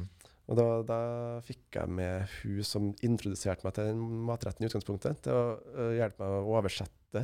øh, og prøve å oversette på en måte som fortsatt gjør det mulig å synge det rytmisk sett. Og for kanskje få til å beholde noen av rimene. Noen av dem fikk vi ikke helt til å beholde, men liksom, det vært en sånn ganske, ganske komplett oversettelse av sangen da, som vi spilte inn og ga ut. Uh, hun er heller ikke en vokalist. Jeg bare syntes det var artig artig å ha med den som introduserte meg til matretten i utgangspunktet. Og da spilte vi inn en musikkvideo. Vi var, jeg var jo i Norge, og hun var inne, så altså, vi gjorde ikke det der sammen, sånn sett. Men hun fikk et filmteam i Indonesia til å dra på Bali og spille inn en uh, musikkvideodel med hun. Wow. Uh, mens at jeg spilte inn en musikkvideodel i Norge, da, der at på måte eh, storyen i musikkvideoen var at uh, jeg var i Norge og ikke fikk til å lage min egen nasebadang, og at jeg savna det så gærent. Og hun var i Indonesia og fikk teleportert det via at vi gikk på hver vår sånn fjelltopp. og holdt, Jeg holdt opp et tomt fat, og hun hadde et fat med mat. Og så. Gleder meg til å se det her etterpå, kjenner jeg. Men i hvert fall den Og den der, det tenkte jeg var en sånn safe Det var nesten mindre bekymra for den filmen enn den første. For den, da var jeg visst, følte jeg at jeg visste mindre om hva som gikk inn til. Og la ut den på YouTube og sånn. Og, og den vært selvfølgelig først og fremst møtt med glede, men den møtte en helt annen og uventa motstand, som da stammer fra en, en av de kulturforholdene som ikke jeg bare forsto. Oh, ja. uh, og det var at vi, når vi hadde spilt inn den filmen, så brukte vi en kjole. Eller hun brukte en kjole. Uh, som, uh, og, hun var ikke fra den muslimske delen av samfunnet deres. Så um, brukte en kjole som kanskje først og fremst var visst mer hud enn det som potensielt hadde vært lurt. Eh, selv om det ikke var absolutt ikke noe sånn dristig på noe vis fra vår synsvinkel. Men uh, i tillegg så var det veldig mange som reagerte på at uh, når jeg først hadde liksom skulle gi ut en indonesisk versjon, hvorfor jeg ikke brukte en tradisjonell drakt fra det området matretten kom ifra. Litt sånn som at man skulle ha brukt en bunad fra Ja. den, det området som matretten kom fra i Norge, hvis at du hadde gjort det lignende ting reversert. da. Og mange ble oppriktig skikkelig forbanna. Sånn skikkelig, skikkelig fornærma og, si, og sint, og sendt lange, frustrerte Så da fikk man liksom eh, kjent litt på den eh, at det, som, det, må, det er veldig vanskelig å forutse hva som eh, skjer på ja. nett. Ikke sant. Så den Det var sånn Folk kan klikke over hva som helst. mm, Kunne Ja. vært noe med det fjellet du sto på, liksom. Ja, ja, Eller skoene du hadde på deg. ja, ja, ja. ja, men det, Det er så mange ting som det er så mange ting du kan gjøre galt i livet. Du hadde på deg eh, Nike-sko, så derfor eh, Ikke sant. Ja. Det er så mye ting som kan Ja, Ja. man er litt fucked på internett. Ja, men jeg er det. Sånn er bare nettet. jeg si. Så det, og det, på tidspunktet her så var jeg jo Når jeg ga ut den låta Det var jo 2016, så da var jeg, var jeg 33. Så det er liksom lett, også mye lettere å håndtere den typen situasjon når du er litt, uh, litt eldre enn jeg var når jeg var akkurat ferdig utdanna og så usikker på alt rundt meg sjøl. Liksom. og så får du den skikkelige hatstrømmen. Det, det, var vanskeligere å takle da enn det der var liksom og det var fremdeles eh, en bagatell i det store havet av positivitet. Sånn opplevdes det. Men da fikk jeg liksom kjent litt mer på en på motstand, og, og, at de kulturforskjellene som man kanskje trodde at man begynte å skjønne litt, det hadde man kanskje ikke skjønt i det hele tatt. så, så, man lærer jo så lenge man lever. Og, Absolutt. Og, ja. Intensjonene var jo gode. Ble, ble, den også sett mye, eller? Ble det liksom ja, en mini-hit etterpå? Ja, etter hit? Ikke like mye som originale, men det, ja, det er på en måte som det å gi ut fortelle samme vits to ganger. Så ja. det blir liksom litt like artig gang nummer to. Men, uh, men det er mange som har omfavna den. Og den har en, det er en ganske artig musikkvideo som uh, i Norge så er det kompiser fra en film som heter Spett, med sånn bare shout-out til dem, som gjorde det der for, av egen fri vilje, bare for at de syntes det var artig å være med på det. Og så i Indonesia så fikk vi også med oss den flinke folk, så det ble en artig video av det. Uh, som jeg syns er fin. Og den fikk jo mye oppmerksomhet, den òg. Ja. det er mest, sikkert mest fordi at det bare var i, i kjølvannet av alt det andre som skjedde, så var det liksom mm. enda en ting de kunne skrive om. og Masse gratis uh, klikk, sikkert. Jeg vet ikke. Ja. Men, uh, hvor, langt, hvor, lenge etterpå var det her, da? Det var bare en fire måneder etterpå. eller sånt. Ja. Fire-fem måneder, tror jeg. Var det noen andre ting som skjedde når du var i Indonesia, den første den turen? Ja, det var ganske mye morsomt som skjedde. det, Han virka for så vidt jævlig hyggelig, fordi ja, det, det vi ikke har sagt, ja. er jo at alt det her har blitt lagd til en dokumentar ja, av din navnebror Audun. Ja, Audun ja. Amundsen fra Gonzodox. Han må jo nevnes. Han må nevnes. Ja, han, det var jo sånn jeg hørte om deg og fant dokumentaren, og så den. Ja. Det, så det er sant, og det må sies at det her eh, når, Som jeg nevnte litt i starten, da når vi dro nedover dit, så trodde vi at det her kanskje skulle bli en sånn liten sånn reportasje, artig sak, da, som best, i verste fall i hvert fall kunne være et godt minne for oss, og bare en morsom historie. Og sånn der. Og i beste fall kanskje noen ville ha glede av det, men det kunne komme på Midtnytt liksom, i, i Trøndelag. eller et eller annet artig sak, da, som kunne, en nordmann har vært i Indonesia og sunget om mat, liksom. Uh, men uh, når han kom tilbake igjen fra turen, så satt han jo med 60 timer med opptak. Ja. som bare Det her er det for mye gull da, til at vi bare skal kaste bort på en bitte liten reportasje eller sånn her. Så vi satte oss ned og bare snakka om ok, hva skal vi gjøre med det materialet her. For at, uh, vi følte at det lå et potensial inn i det. Og vi hadde nettopp vært gjennom en slags sånn uh, berg-og-dal-bane av en helt sånn sinnssyk uh, opplevelse som vi hadde lyst til at andre òg egentlig skulle kunne få gjenoppleve på et eller annet plan. Da. Det er selvfølgelig vanskelig å få gjenopplevd det fullstendig på samme måte, men, men da bestemte vi oss for at vi vil lage en eh, liten dokumentarfilm som eh, på en måte følger he hele oppbygninga av historien fra det perspektivet som jeg sjøl opplevde. Sånn at det som hele tida er i nåtid i den mm. historien når den fortelles. da. Og det var utrolig mye arbeid og veldig vanskelig, og det tok flere år å få gjort det før man endte opp med noe som uh, følte at uh, ja. uh, virkelig fortalte den storyen på en måte som Kanskje spesielt for min egen del, som satt og virkelig visste akkurat hvor artig og rørende og sprøtt og skummelt og alle de følelsene jeg sjøl satt på, visste jeg hvor sterk egentlig kunne være. Så jeg hadde så lyst til å prøve å få gjenskapt det der i det filmformatet. Og til slutt så følte jeg som at vi greide det ganske bra. og jeg tror at liksom Den ligger på NRK, ikke sant? Eller? Ja, den ligger ute på NRK gratis ja. Uh, ja. på nett-TV-en her. Den, den, er verdt å se. Der heter den 'Nazi på dang', et viralt eventyr. Ja. Uh, de vil jo oversette ting. så da Men den ja, Jeg er veldig fornøyd med hvordan den endte opp. Og big shout-out til Audun Amundsen, ja, som, som, bare var med på flere uker nedi der og filma og ja, nei, det Jeg har jo prøvd i et halvt år nå eller noe sånt å få Audun Amundsen på den podkasten her, fordi ja. han har også en annen dokumentar mm. fra Indonesia mm. som handler om en sjaman mm. langt opp i, inni uh, Jungelen. Inni jungelen, som er helt epic, Ja, den historien. Fantastisk uh, Den er helt sykt bra. Ja, ja. ja det tror jeg, og det tror jeg er en story som egner seg veldig bra på podkast. Ja. Vi lagde, vi lagde en podkast oh, ja. en gang, Ja. online, okay. men bare Nei, det, det funka ikke. Nei. Altså, det er derfor jeg sjelden gjør online Ja, okay, podcaster, sånn, ja, ja, fordi lyden blir ikke så digg. Nei. Og så er det noe med connectionen man får. Det litt, og så er ikke bildet så bra, og så, Mm. og så ja. Ja. Så vi ble enige, vi sletter det, Ja. og så møtes vi i Oslo en dag. Ja. Og det er fortsatt på planen vår. Ja, ja. Nei, altså det er jo det er jo sånn vi vært kjent, egentlig. At uh, jeg, vi begge jobber liksom litt i filmbransjen i, i Trøndelag. Og jeg, jeg og det filmet jeg jobber i, lager veldig mye film, nei, lyd til dokumentarfilmer. Så vi, Aha. gjorde, vi komponerte musikken. Og gjorde altså mest av lydarbeidet til den Utopia-dokumentaren. OK. Uh, så det var liksom sånn jeg ble eh, kjent egentlig første gang. Og, men den men den nase på Dang-filmen ble faktisk spilt inn før Utopia ble, Hvem var det? Uh, ble ferdigstilt. Eh, så det var på en måte De to filmene hadde jo faktisk norgespremiere på samme dag. på, på Kosmorama filmfestival. Alle som sitter nå og tenker sånn Åh, det er så mye dritt på Netflix. Her har du to bra filmer å se i helgen. Ja, Det vil jeg tørre påstå at det er verdt, eh, verdt tida, altså.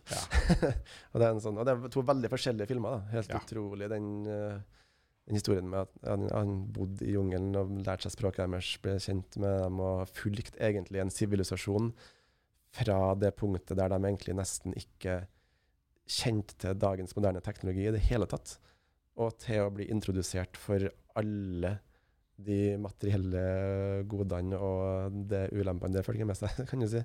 Eh, Det er en sånn unik observasjon som ja, det, I 25 år eller noe? 20? ja, 15? Jeg husker ikke helt husker ikke hvor mange Jeg tror i hvert fall det er 15, ja. 15 år eller noe? Eh, I hvert fall minst det. Mm. Så man fulgte dem av og på, bodde der enkelte ganger i flere år i strekk.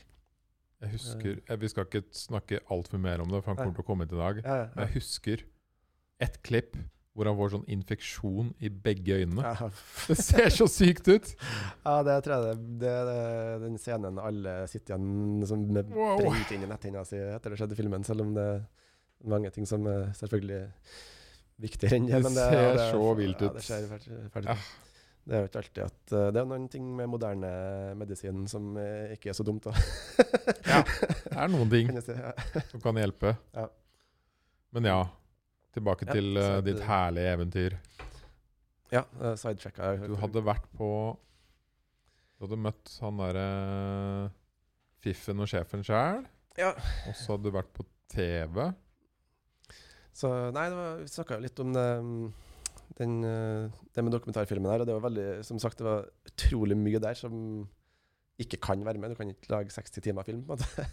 og, så, det, det, så det har jo skjedd en del artige ting som ikke er med på det. Og det er jo alt ifra sånn ja, forespørsler jeg fikk som bare var helt sånn uh, beyond. Jeg, ble, jeg tror jeg har blitt spurt om å være enten en hovedrolle eller en litt større birolle i kanskje tre eller fire forskjellige indonesiske spillefilmer. liksom.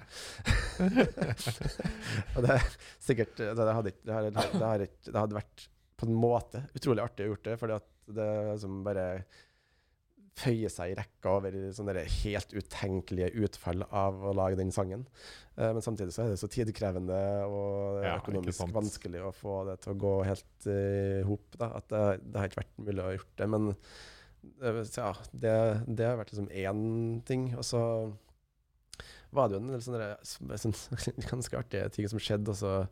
For eksempel, det var en veldig morsom radiokanalopplevelse jeg hadde når jeg var mm, i Det tror jeg jeg var i Jakarta, på en av de store nyhetskanalene i Indonesia. Der ville de også bare skulle komme innom og ja, ta, ta en liten prat. Eh, de spurte dem om samme spørsmålene. Hvorfor likte maten så godt? eh, hva jeg syntes om Indonesia? Og prata litt om eh, musikk og mat og Norge og relasjoner og sånn der. Spilte av sangen, og så hadde en liten avslutningsprat, og så ferdig. Og så tenkte jeg at det var- virka som en sånn normal, normal eh, dag på radioen for dem. Skal jeg si. Eh, og så dro vi etterpå sammen med to av de som spilte inn, eller som var med på den sendinga. Og spist for dem at vi skulle spise nasebatang. Ja, I nærheten da, så spiste vi nasebatang i nærområdet deres. Og så fortalte de det at uh, Ja, det, det er jo en kanal som egentlig aldri spiller musikk, til deg. Sånn at uh, det her var første gangen på flere år at de har spilt av en uh, sang på radioen deres. Og sist gang de gjorde det, det var en Michael Jackson-låt. Den dagen Michael Jackson døde. så okay, ja. Så det var en sånn eh, morsom fun fact å sitte med. Jeg er glad for at jeg ikke visste det før, egentlig. En annen sånn opplevelse som heller ikke vi fikk til å ta med på den eh, dokumentarfilmen. For det var enten fordi vi ikke kanskje hadde nok materiale, eller fikk ikke å smette inn i storyen uten at det bare ble for mange sprø avbrudd hele tida. Så var det at uh, når vi satt uh, En av de siste dagene jeg var der, så satt vi mm, på For jeg ble invitert til en annen middag sammen med guvernøren og en del av den gjengen der. Eh, på, så vi var to ganger de spiste sammen med dem. da, Og den siste gangen så satt jeg på bord med bl.a. banksjefen fra en, en stor bank nede der. Og han var veldig sånn gira på at jeg måtte jo komme innom banken deres i morgen. Og så sa jeg som at ja, Kom en tur til banken. ja, jeg kom en tur til banken. og så sa jeg at ja, det var kjempehyggelig, og sånn, det da, men at jeg skal dra, jeg drar med flyet i morgen tidlig klokka ti.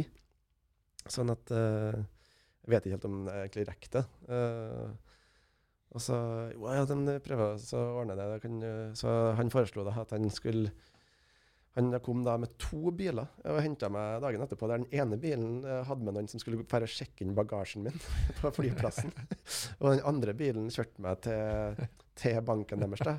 Og da hadde han fått eh, alle de ansatte på én dags varsel til å møte opp på jobb en time før banken egentlig åpner, for å møte meg og si ha det før jeg drar. og da kom hun dit og fikk og spist litt, uh, drakk litt te og sånt sammen med dem. Og, og da var det ikke sikkert 30-40 ansatte da, som hadde møtt blitt, liksom, sikkert, Jeg vet ikke hvordan han har liksom, sagt ifra, men fått beskjed om og kom dit da, før vi dro. Og, og satt der, hadde hyggelig prata og sånn der. Og så ble jeg som kjørt tilbake i, med politieskorte tilbake til flyplassen for å få liksom banevei oh, yeah. til å komme dit så fort som mulig. og kommer til fly, flyplassen og skal gjennom securityen der. Og så stopper bagen min i en sånn i security da hadde jeg noen sånne vokalboks som jeg hadde med for å være sikker på at jeg skulle få eh, den lyden jeg ville ha på stemmen min når jeg skulle fremføre. Uh, så de eh, tok opp den bagen, og så ser de bare en sånn ja, Det sto sikkert vocal eller en sånn, kanskje på den her, så kikker han opp, og så bare Oh, the på Padangai! og så bare glemmer de hele bagasjen, og så springer de rundt og begynner å ta sånn selfie selfie-shoot, rett og slett, alle de som jobba i securityen.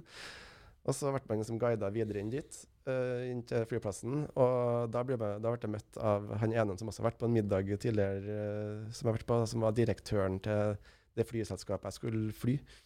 Uh, og han hadde en, uh, forberedt en gave da, der han, der han hadde fått et sånn miniatyrfly i, i, sånn, i riktig størrelsesorden. Sånn at det er som det var 1 til 65 eller noe sånt. i helt original eh, utseende. Et modell av flyet deres, da.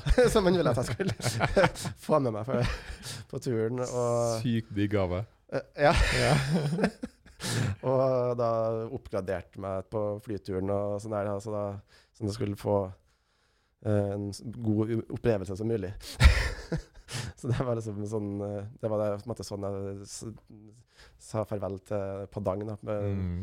Med bare nok en sånn overveldende hva skjer nå-opplevelse, egentlig.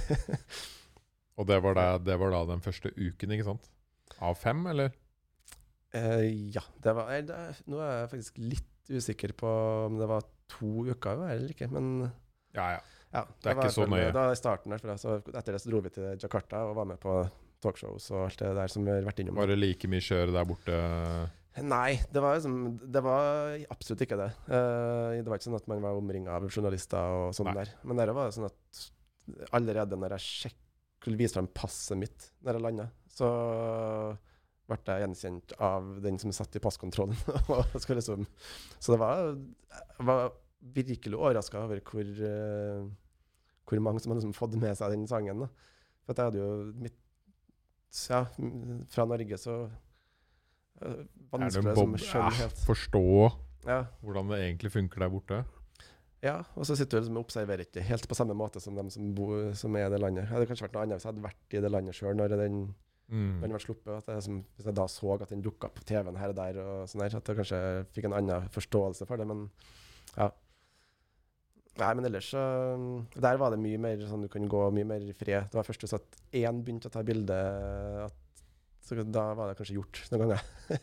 men uh, ellers, ja, anna, helt anna Hovedstaden her er jo en gigametropol av en by. Det er helt en, eh, en sånn skikkelig asfaltjungel eh, med Jeg tror det, hvis man regner med liksom litt Jakarta og omegn, så tror jeg det er sånn 15-20 millioner. Den er så vill. Ja. Jeg blir alltid sånn Jeg liker alltid når jeg drar til et sånt land, å være innom en sånn superby i fire, fire dager, kanskje. Mm. Fire-fem dager. Ja. Bare for å bare Åh, Det er så. Jeg var i New York for uh, en måned siden. Mm. Tre uker siden. Ja. Det var også sånn Ja. Det er lenge siden jeg har vært der, og bare ah, wow. Ja, ja. Så er det hakket mer kaotisk når du er i de i Asia, da. ja, det er det. Det er på en måte sånn delvis sammenlignbart med New York i størrelse og sånn der, men bare enda litt mer sånn eh, Skutere og tuting og strømkabler lukter og varme og liksom ja, ja, hele pakka. Samme med Delhi. Ja, det, Delhi og Mumbai er helt sinnssyke byer. New Delhi er kanskje en av byene som jeg følte meg mest sånn der forsvunnet det, var- det, Du det var helt helt sjokk, altså. Ja. Så, men eh, Jakarta også er ganske Det er en kul by å være Det er en fantastisk by å være når du var i den situasjonen som jeg hadde Mm. havnet i, for det var der alt skjedde, på en måte. Og også der eh, Ja, der var jo også en eh, litt sånn bi-story, da, men, eh, men en annen så der weird eh, opplevelse var at det var når jeg ble invitert med på en uh, På en sånn uh, et YouTube-show, egentlig. Der eh, det var en, en sånn klassisk uh, asiatisk underholdning, sikkert, men der det var en veldig stor indonesisk YouTuber som skulle holde en nyhetsopplesing, opplesing på en måte, mens eh, han ble skutt med paintball. Så, uh, så det var en slags Eller i en paintball-match, på en måte. Det, ikke så- det var bare at han sto og ble skutt, men han var, skulle også være med og eh, fighte sjøl. Så da var, skulle jeg være med i den, i den episoden av uh, paintballen der jeg skulle Der de egentlig hadde en sånn match mellom uh, han og noen andre og skøyt og sånn. Og det var capture the flag da, hvis du spilte paintball. Der Mm. liksom, du skal komme deg over til andre sida og ta et flagg. Uh, men da hadde de liksom skripta hele til at det som skulle skje, det var at på slutten, der man trodde at man så hvem som vant, så skulle det Denase på Dangai komme gående inn i sakte film og bare paff, paff, paff alle, alle kjendisene. og, og bare stikke av med flagget. Og så, kom det opp sånn herre The power of Nazi Padang. I en sånn herre Jeg håper jeg klarer å finne den her på YouTube òg. Ja, den tror jeg faktisk er søkbar. Ja. Uh, for at jeg er litt bitte litt usikker på hva jeg skal søke etter, men jeg skal kunne finne den. til Det hadde vært kult. Gjerne send den. Det er sånn bare føyer seg som i rekka over absurde ting man opp, kan oppleve. Eh, ja, så det har vært en alt i alt bare helt overveldende mengde med Det uforutsigbare og ville ting som har skjedd. liksom. Og mye Mye gratis god mat. Ja, absolutt. Uh, anbefaler å skrive matsanger. Ja, ja. Tali må være neste. Ja, å Hvis du nailer den, så, så ja. har hun et par turer ned til India. Ja, Tali. Du må dra dit og spise den først, da, sånn at du er ekte. Ja, det er akkurat det. At, uh, og det er en ting som jeg har tenkt på, at uh, det, er, det er viktig nesten, tror jeg, at eh, det må være ekte. Hvis du, og det hadde jo virkelig vært en grusom tur hvis jeg hadde hata den maten. Eller, og måtte som sagt nei, eller ikke presse seg med mat jeg ikke likte hver gang jeg skulle ja. Men eh, ja, det er en uh... Og så kan du neste gang aktivere den derre Monetize this video på YouTube. Ja, ja, ja ikke sant? Men det er jo forresten, uh, apropos det med ekt, at du må ha smakt det og få det genuint og sånn her. Det, det var en indoneser som, eh, som har laga en pinnekjøttsang. Eh, han sendte meg en melding eh, ganske kort tid etter at Nasa Badang ble eh, gitt ut. Og skrev liksom Han at bare Food song, brother! ja, han bare skrev som at han han var så takknemlig og stolt og sånn over at han hadde laga en sang om deres matrett. Og han står liksom gjengjelder med å lage en sang om en norsk matrett. Da. Oh, ja. Og lurte på liksom, hos, hva, hva dere spiser på, liksom, på en feiring eller en sånn typisk tradisjonell norsk matrett. Da. Så tipsa han om et par retter, bl.a. pinnekjøtt. Så gikk det liksom jeg, var helt sikker på at det der er i hvert fall bare noe som noen sier. Så, så gikk det noen uker, da, og så plutselig så fikk jeg en mail der at han hadde liksom lagt med den sangen, og da hadde han laga og spilt inn en, en eh, full pinnekjøttsang. Så sykt. Eh, som også ligger ute på YouTube. Og den heter for It's Called Pinnekjøtt. Uh, og, men litt det vel kanskje er problemet der, da, som gjør at den ikke fikk helt samme mottakelse i Norge som den uh, Nesbøen gjorde i Indonesia, var jo kanskje at han nettopp det med at han hadde jo ikke smak, smakt det. Nei, ikke bare det, men det er litt mindre folk i Litt Norge. mindre folk òg, ja. Det, ja. Og det, pluss at det er en annen, helt annen uh, stolthets... Det blir på en måte litt sånn Du har eh, Alle sammen vet om thaimat fra Sørøst-Asia. Du har alle vet om kinamat, og alle vet om sushi og, og sånn der. Og så har du Indonesia, som har et egentlig stort kjøkken som er skikkelig spennende, med masse fantastisk mat. Men ingen uh, i Norge uh, er, det vil jeg si, men mange, de aller fleste i Norge har ikke egentlig noe forhold til, til indonesisk mat på samme måte som, hvert fall ikke på lik linje som veldig mye andre, så de har kanskje havna veldig i skyggen. Av, Ikke sant. Men det er jo også litt Ikke det samme, men alle nordmenn som går på indisk restaurant, kjøper jo butter chicken, Ja, ikke som ikke nesten engang er en rett fra India. Nei. Det er sånn engelsk-indisk rett. Ja. ja, ikke sant. Så jeg tror at uh, den stoltheten som kom av at endelig er noen som anerkjenner vårt kjøkken, det var også liksom en, sånn- en faktor. da. Litt sånn samme måte som jeg husker på for mange år siden, så var det en sånn video som gikk litt viralt i Norge, med en amerikaner som prøvde brunost. Mm. Og syntes at det var så utrolig godt. Og bare eh, kom hjem til Amerika og måtte ha mer brunost. Liksom.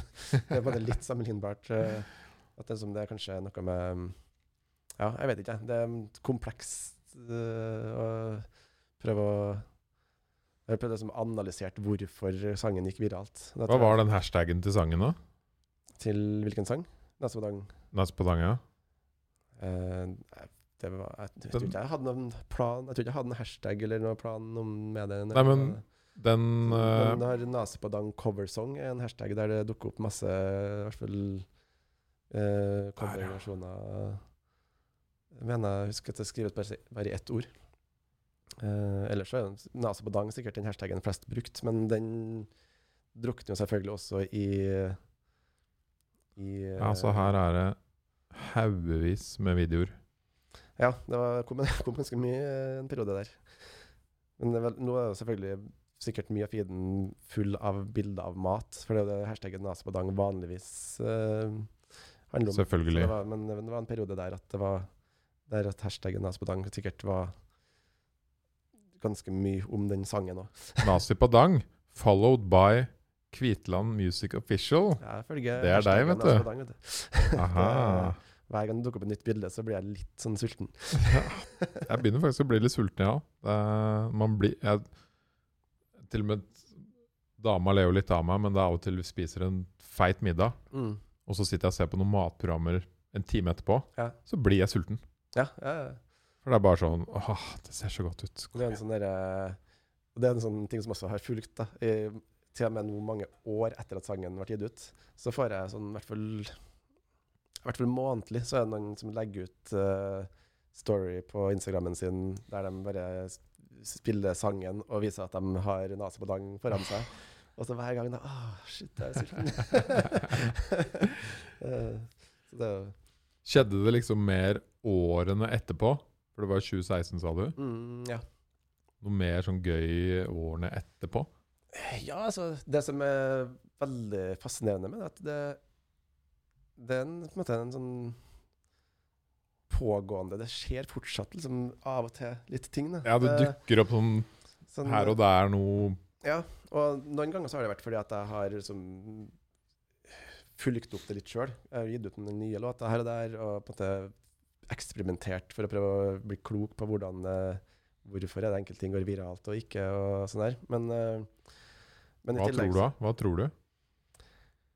Hva Jeg- skal til være Det, er det eneste jeg har greid å konkurrere med, at, eh, at jeg ikke er i stand til å forutse se det. Jeg har på en måte laga en del låter i etterkant og tenkt liksom Noen, noen av dem at, har jeg liksom tenkt at ja, okay, det her blir spennende å se hva som skjer når jeg slipper den. noen har jeg bare nesten laga og ja, ikke hadde noe som helst form for trua på at det skulle være noen som ville, skje se det. Og så har det bare fått en million streams på ei uke, mens den som jeg har brukt mange Oh. måneder på å lage, kanskje ikke vært sett av så mange.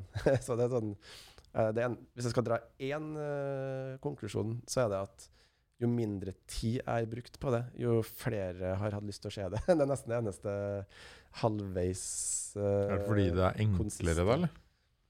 Jeg aner ikke, ass.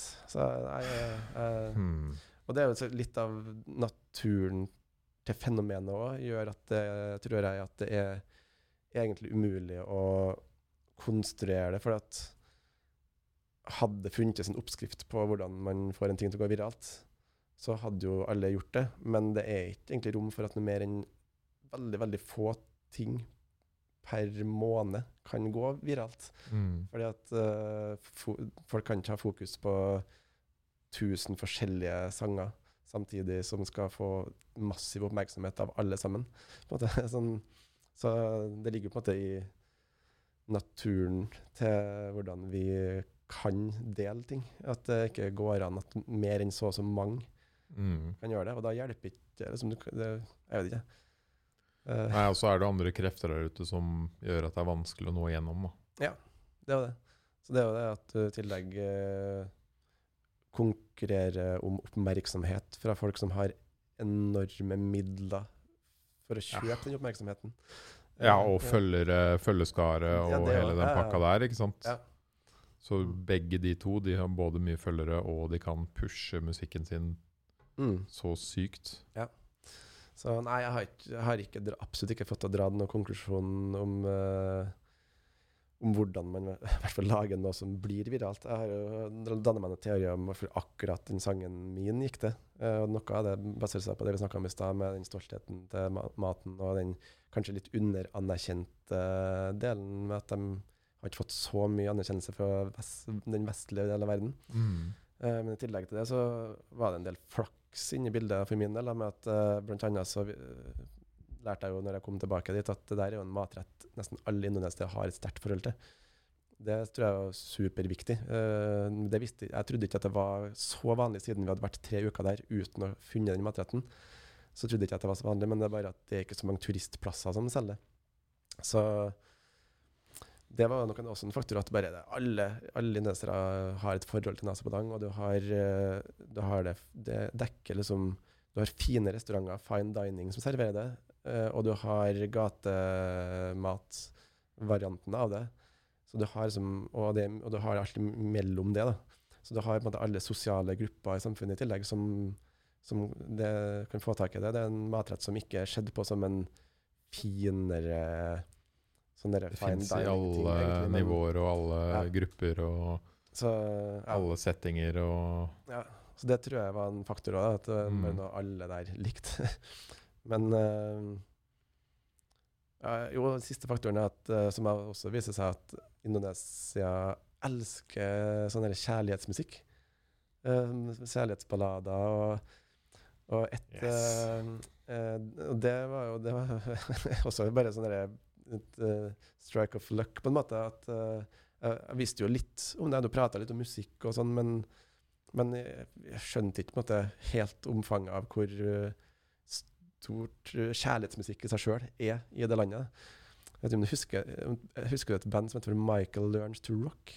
Et sånt dansk, litt sånn boyband-aktig band som var veldig stor på 90-tallet. De var 100 sikre hadde slutta å eksistere. Men når jeg var i Indonesia, så fant jeg ut at de spiller for sånne utsolgte stadioner i Indonesia. og de har jo veldig sånn ja, Boyband. ballader, boyband og sånn. Um, så det var en sånn derre serie av uh, flaks kombinert med timing og Mm. alt mulig rart, tror jeg, som gjorde det. Så det, det, det er nok det man må ha. Du må ha en heftig dose flaks. Uh, Og sosiale medier, ikke sant, som Mm. hjalp deg å Ja. Slik jeg har forstått det, så funker de algoritmene sånn at hvis du får mye aktivitet mm. fort når du legger ut, Ja. så tar det bare mer og mer og mer av. Ja, det er akkurat sånn det virker som. At liksom jo, jo flere som deler en link, altså den linken du har posta, med vennen sin, jo lettere er det for uh, den sosiale mediealgoritmen og tenke at det her er sikkert noe som flere vil ha glede av. Mm. For det er tydeligvis at det her skaper engasjement. Og da bare vises den enda flere. Hvis det fortsetter sånn at til og med de nye da deler det samme, så Da feede- blir Facebook happy. ja, og da havner du plutselig på sånn YouTube eh, suggestions til Ja. alt mulig rart av filmer, og så har du som Der tar liksom algoritmen bare å sørge for at det fortsetter, nesten. Så, men det der er jo fullstendig ute av kontroll. Da. Og det var jo skummelt drittskummelt å tenke på det, egentlig, for jeg tenkte også at det er en kjip ting som sprer seg òg. Ja, og det skjer jo nå, i dag. Ja. Masse kjipe ting. Ja, ja, ja, ikke sant. Ja, og mm, ja, det, det fytterakkeren, det er en egen uh, podkast i seg sjøl, Mm. men ja. Det Men kanskje det viktigste spørsmålet i dag, da. Hva er den beste nazipadangen du har spist? Ja, eh, det, det har jeg også blitt spurt Det har vel du det- reflektert om? Det. Så jeg har reflektert litt over det, og det, det står liksom mellom den første, som på en måte var Ja. derre, eh, der- det fantastiske liksom, første gangen du fikk smake de helt nye smakene. Det er vanskelig å liksom, toppe akkurat den følelsen òg. Samtidig så kanskje objektivt sett så tror jeg kanskje en av de restaurantene jeg spiste på i Padang, Mm. som er den byen som på en måte det stammer fra, Originalt, ja. eh, tror jeg nok kanskje var eh, objektivt sett den beste har smakt. Eh, den het Hva het den? Lamang, Lamang Ombak? Jeg må nesten sjekke ut det etterkant. Jeg kan sende, sende navnet. Sånn at hvis at den, du kan jo kanskje legge det i description hvis noen faktisk skal til Indonesia Ja, eller Padang. Det er bra tips. Det er bra tips av Ja. en mester. Ja, i derfor så vil jeg generelt i hvert fall helt klart anbefale å, å teste ut, uh, teste ut Nasipodang hvis man har muligheten til det. Mm. Men har du vært tilbake i Indonesia siden den gang? Uh, ja, jeg har faktisk vært der. For det var i eh, 2016. Alt skjedde. Det var i 2016 slash 2017 at Ja. jeg var, var der. Det var mm, Den uh, dokumentarfilmen den portretterer det hele som én tur. Uh, uh, først og fremst fordi at det er bare lettere å fortelle sånn. Eh, så man slipper som å si at først så dro jeg dit, og så dro vi tilbake, og så må man filme at man dro tilbake igjen, og så filmer man at man dro tilbake igjen til. Så det, det er bare forenkling av fortellinga, på en måte. Men det er faktisk så er det da to turer som det har vært. Der den ene turen var en invitasjon fra guvernøren, og den andre turen var en invitasjon fra eh, ordføreren. Eh, som er på en måte satt sammen da, egentlig til to opplevelser Eller til én hel, hel, helhetlig opplevelse. Men eh, begge de to turene var innenfor en par måneders mellomrom. Mm. Den første turen var vel da desember i 2016, og den andre var mars 2017. Men liksom etter det, har du vært tilbake etter det òg? ja, jeg har også vært tilbake etter det. Det er da Nå ble jeg plutselig sånn usikker, men jeg, vært, jeg var i hvert fall tilbake i 2019. Og Ja. Var det fortsatt noe Nazi på dang-action da, eller? da var jeg jo faktisk tilbake for å klippe film. Okay. så, så satt jeg og klippet uh, dokumentarfilmen. Fordi at vi fikk eh, Vi sleit jo litt med å få finansiert å lage den filmen, for det tar jo voldsomt mye tid, og det er mange som skal være med og jobbe på den. Men uh, det var et, firm, et selskap, TV-selskap i Nesa som var villig til å kjøpe den allerede før de hadde fått sett manuset.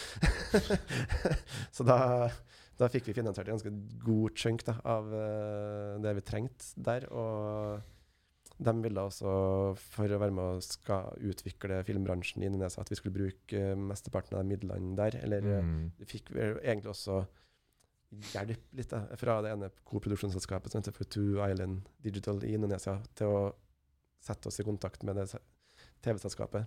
Som igjen gjorde det naturlig at de også fikk den, den jobben med å klippe filmen og sånn etterpå. Så, men, det krevde jo at noen måtte være der og forklare hva som ble sagt på norsk når det var snakka norsk, f.eks. Så, ja, så da var, da var jeg nedi der og klippet film, rett og slett. altså, nå er det en stund siden jeg så den dokumentaren, Audun, men mm. stemmer det at helt på slutten så sitter dere ute i skauen eller noe med en sånn uh, travel dude? Uh, ja, ja, Som begynner å gråte av ja. liksom Han var så rørt av den sangen. Ja. Sånn litt hard Virka som en egentlig sånn hard Ja, det var en uh, veldig spesiell opplevelse, egentlig. Uh, det var faktisk en annen sang til meg, men uh, det var jo et sånn reiseprogram som ja. jeg ble invitert med å være med på, som heter for Robinson Journey. Ikke til å forveksle med Robinson-ekspedisjonen, eller hva det heter. Det er reality-greia. Men det er sånn der, det er det konseptet at de reiser rundt i forskjellige øyer og byer og uh, fantastiske naturområder i Indonesia. Og så enkelte ganger så har de med seg uh, gjester. Da. Og da fikk jeg være med på en sånn en ukers tur wow. uh, med dem.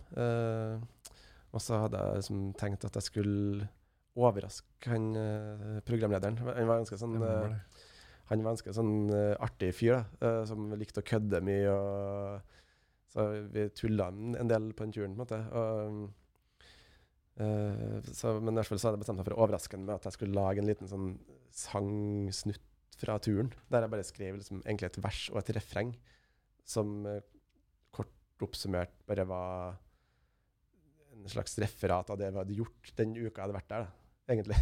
Basically. og så Eh, sa jeg fra når vi satte oss ned, etter, egentlig etter at alt av kameraet var pakka bort, og sånn, så sa jeg fra til henne om det. Og så gikk det sånn 30 sekunder, så var alt av kameraet pakka opp. men, uh, men uh, da satt vi liksom på ei strand, da, uh, på ei helt øde øy i Indonesia, og det var mørkt, og vi hadde bare filmlyset som lyste opp liksom litt, og sånn, det var skikkelig sånn koselig stemning. Og, og så fortalte han at jeg hadde liksom laga en liten snutt bare sånn, fra moro skyld. Det var det ment bare som en sånn ja, Det kan være en bitte liten del av kveldens underholdning, noe som er ferdig med å skyte dagens episode. Uh, men uh, så spilte han av den sangen, og det øyeblikket du refererer til i filmen, da, det er jo at han, han reagerer med å bli veldig rørt, men han, han blir helt stille. Ja. Og så har vi kødda ganske mye tidligere på turen, så jeg trodde at han egentlig kødda med meg. At han skulle liksom late som at han ble sint, eller hva heter det. Altså, jeg vet ikke, visste ikke helt hva han Så jeg trodde han drev og tulla litt. Så jeg, min første reaksjon var at jeg flirte litt, for at jeg tenkte at han tulla. Og, så, og det er jo selvfølgelig tatt med på kamera i dokumentaren. Jeg skjemmes jo hver gang. For at uh, når jeg bare noen sekunder etterpå skjønner at han faktisk sitte og var rørt. da. Sykt rørt òg? Ja, så han ble tårer i øynene. Og, og da viste det seg at han bare Ja, han syntes det er så hyggelig å få vist frem landet sitt, og mm. verdiene til landet, og den fantastiske naturen til landet, og at selv som, Det her er ikke mine ord, men som han sier, at selv om landet er Jeg tror han sier et eller annet à la litt mindre utvikla, eller noe sånt, enn uh, det landene deres, eh, den henviser seg til oss. Og så uh, har vi noe å by på. Vi har mm. noe å, å, å tilføre samfunnet. Lell, for jeg blir rørt av å snakke på, for jeg syns det var Ja, det var rørende å se på. Rørende å se, se på. Ja, ja. Så, og den har jo så rett òg, for det, det, er jo så mye, så mye den kulturen deres og dem både som land og som personer har å by på, som vi kan lære av, og som, mm. ja, som er så fantastisk. Så Nei, men å se liksom at han satt der, han som egentlig satt og bare kødda og var liksom litt sånn ja, macho egentlig fyr. da. Likte å snakke om at han skjøt villsvin og kjørte jeep off the road. liksom. det har faktisk vært skikkelig rørt og hadde den talen nærmest om uh, Nei, det var helt uh, spesiell opplevelse. mm. Og, det, og, det, har jeg kanskje underkommunisert litt i dagens episode, at det faktisk har vært en del sånne skikkelig fine, rørende øyeblikk. Blant annet en situasjon som jeg har veldig lyst til å nevne, som jeg først, som jeg først kom på det. Ja, ja. Uh, og det er ei uh, Hun er også med i den filmen eh, som uh, heter for Am Amelia. Amalie. Som som kom reisende helt fra Malaysia eh, for å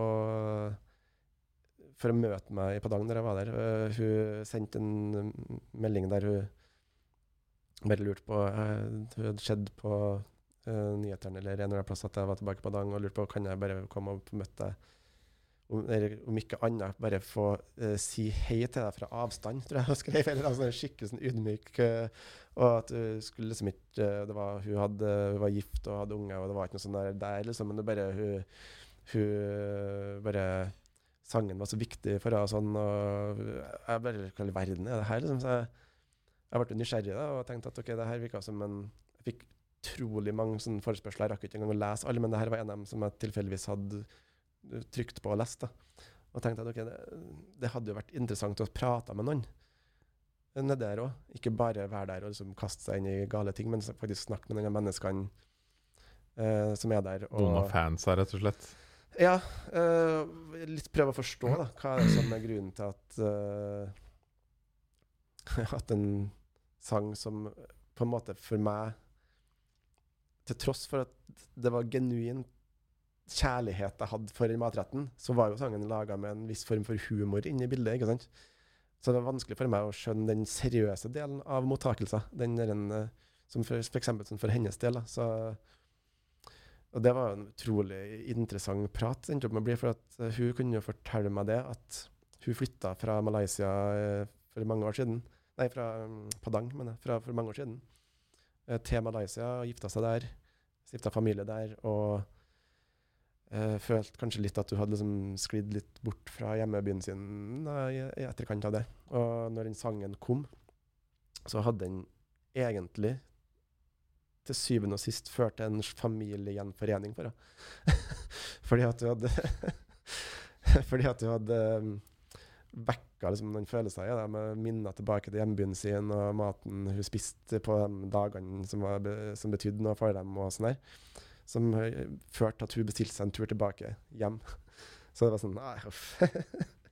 Uh, Ja. Magiske opplevelser. ja, og det er sånn det, Og da føler jeg at jeg rett, Egentlig så føler jeg at det som skjedde der, at jeg ble møtt med mine egne fordommer i døra. på en måte. For at, Jeg må innrømme at jeg tenkte at det kan jo godt være at nå møter man en litt sånn bare en småsprø fan som eh, bare Ja, jeg visste ikke helt hva man skulle gå til. Så, jeg, så det var også en av de tingene jeg hoppet på å gjenskape med den scenen i filmen. At uh, dem som sitter der og ser den scenen, kanskje også kommer til å, til å begynne med tenke litt det samme som meg. At hvorfor i verden i alle dager skal noen være villig til å reise fra Malaysia for å bare kanskje si hei til en person fordi at den har laga en sang?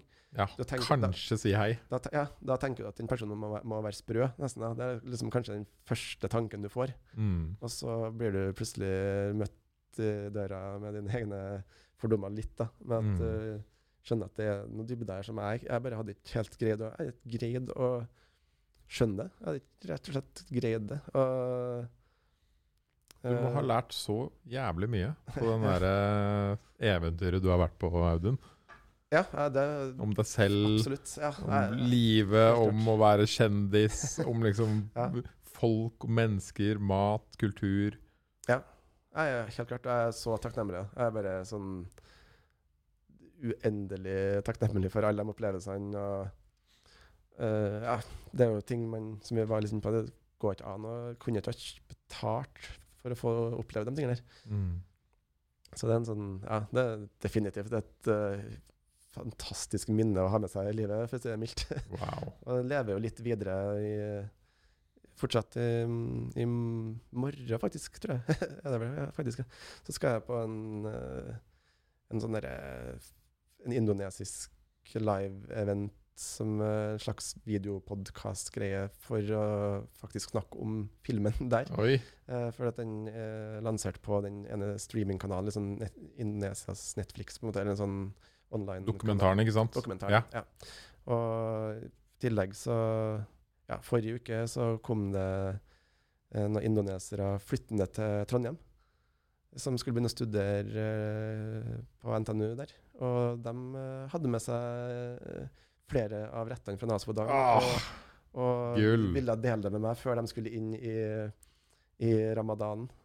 Så da, rett før dagen før ramadan starta, så satt jeg i studioet mitt sammen med noen venner og sammen med dem og spiste fantastisk indonesisk eh, mat. Så jeg føler på at den, den, hele den historien og sangen lever på en måte sitt eget liv fortsatt Mm. litt. da. Eh, Kommer til å dukke opp sånn her og der i mange, mange år til. ja, hvem vet. Eh, Sikkert. fall, eh, ja. Eh, vanskelig i hvert fall å si. Det, det var veldig Ja. Helt uh, rart å tenke på at en sang kan gjøre noe sånt med livet til noen. Det er en helt vill historie. Mm. Og jeg anbefaler alle å se den dokumentaren. Ja. Den ligger på NRK. Nå har det vært litt sånn uh, Burde kanskje sagt noe spoiler alerts på forhånd her nå, men eh, det, er en- Det går helt fint. Ja, det, er en, Ja, ja. eh, det blir en, det er en annen opplevelse likevel å være med på den Være med på den storyen med bilder Mm. og med musikk. Hva føler du du lærte av å være superkjendis? da? det, det er egentlig et godt spørsmål. Ja? Hva har jeg egentlig av det? Jeg, jeg tror jeg har blitt jeg tror det, En av de første tingene var at jeg kjente på en helt ny form for takknemlighet for uh, verdien av anonymitet. Ja. Sånn, uh, jeg tror ikke jeg har egentlig skjønt hvor hvor heldig man egentlig er som ikke, altså, Det er sikkert noen ytterst få mennesker i verden som ville ha nytt det mer mm, måte, men Altså, liksom, hvis du er kjendis fra du er barn, så vet du nesten ikke noe annet liv. Nei, nei, nei. Og da er det kanskje greit, Ja. men uh, Det er jo litt det jeg tenker på med sånn som kongehuset, for eksempel. Jeg, er jo, jeg har ingenting imot noen av de personene som er der, og sånn, for de virker som fantastiske folk. Men jeg tenker likevel at det være Det er litt urettferdig for et barn å skal vokse opp med De er jo litt skåna fra norske medier, men med en gang de blir 18, så er jo den uh, skåninga oppheva. Og mhm. da lever jo livet ditt, der, og du vet kanskje ikke engang helt helt hvordan alternativet kunne ha vært. Så Og som du sier igjen, så er vi i Norge veldig snille på det. absolutt. Veldig. Ja, veldig òg, ja. Så um, Nei, så jeg tenker jo Det er jo én ting jeg har lært, men jeg vet ikke helt hva, hva, har jeg lært av det. Jeg har lært mye av meg sjøl. Ja. Mine grenser og med, eh, redsler og fordommer og Har du prøvd å lage nazipadang selv? Eh, litt. Jeg har prøvd å lage noen av de tingene Ja. jeg liker best ved nazipadang. Eh, med både hell og ikke hell, skal du si. Men eh, det, ja, jeg har fått, uh, fått testa det litt, og også servert det til venner. Og, ja, de fleste liker det godt. Det er, ganske, det er litt spicy. Hvis Mm. man måte ha- virkelig hater spice, så er det kanskje ikke eh, alle de rettene som er like bra. Men det som er veldig fint med det, er at uh, i hvert fall når den typiske Indonesia, at du får en del skåler som også inneholder de chili-blandingene Ja, det som du kan liksom egentlig ta på litt sjøl. Hvor mye spice du vil ha. Noen av rettene har en del spice i sausen sin eller i saus fra før, men det Mm. meste kan du regulere sjøl med, med mengde chilibaserte blandinger du kan ja, ta på sjøl. Hva, eh, har du noe god oversikt? Hva er den beste indisken i Trondheim og Oslo? Mm, jeg tror det er faktisk ingen indonesiske restauranter i Trondheim. Nei? Uh, I Oslo så vet jeg at det er i hvert fall én som jeg beklageligvis ikke husker navnet på akkurat nå. Uh, det er litt dumt, men jeg må nesten bare sjekke opp det òg, så kan jeg Husker du hvor den ligger, eller? mener egentlig at den ikke er så langt unna her. Nei? Jeg tror den kanskje er oppe i samme gata. Altså. Det er ikke den derre Ikke den, for det er en sånn thai Ja, det, den, den som ligger der, er Tuk Thai eller et eller annet Ja, sånt. men det, jeg lurer på om det er en oppe i gata her som i hvert fall ikke så langt unna området. Jeg har vært der og spist, og det var kjempegodt. Eh, og de på i hvert fall ett, eller kanskje sikkert flere tidspunkt, så vet jeg at de har laga enkelte av de rettene som er i Natabadang, bl.a. rendang. Da. Så vil jo kanskje tipse om å holde øynene åpne for å følge med når neste gang det er mulighet for å få seg rendang. Det Jeg tror jeg veit hvilken du mener. Jeg husker bare ikke hva han heter akkurat nå. Nei. For den er sånn litt sånn uh, Den er ikke veldig pynta. Nei, det stemmer nok. Det er Ja, sånn typisk god ordentlig, Da føler man at det er ekte. Ja. Ikke Sånn sånn uh, kantine-vibe, mm, nesten. mm, Litt, kanskje. Uh, og så var, var det faktisk også en som var åpna. Uh, Lille Saigon? ja, det tror jeg kanskje hørtes Nei, det er vietnamesisk. Ja, ok, ja. okay, ja.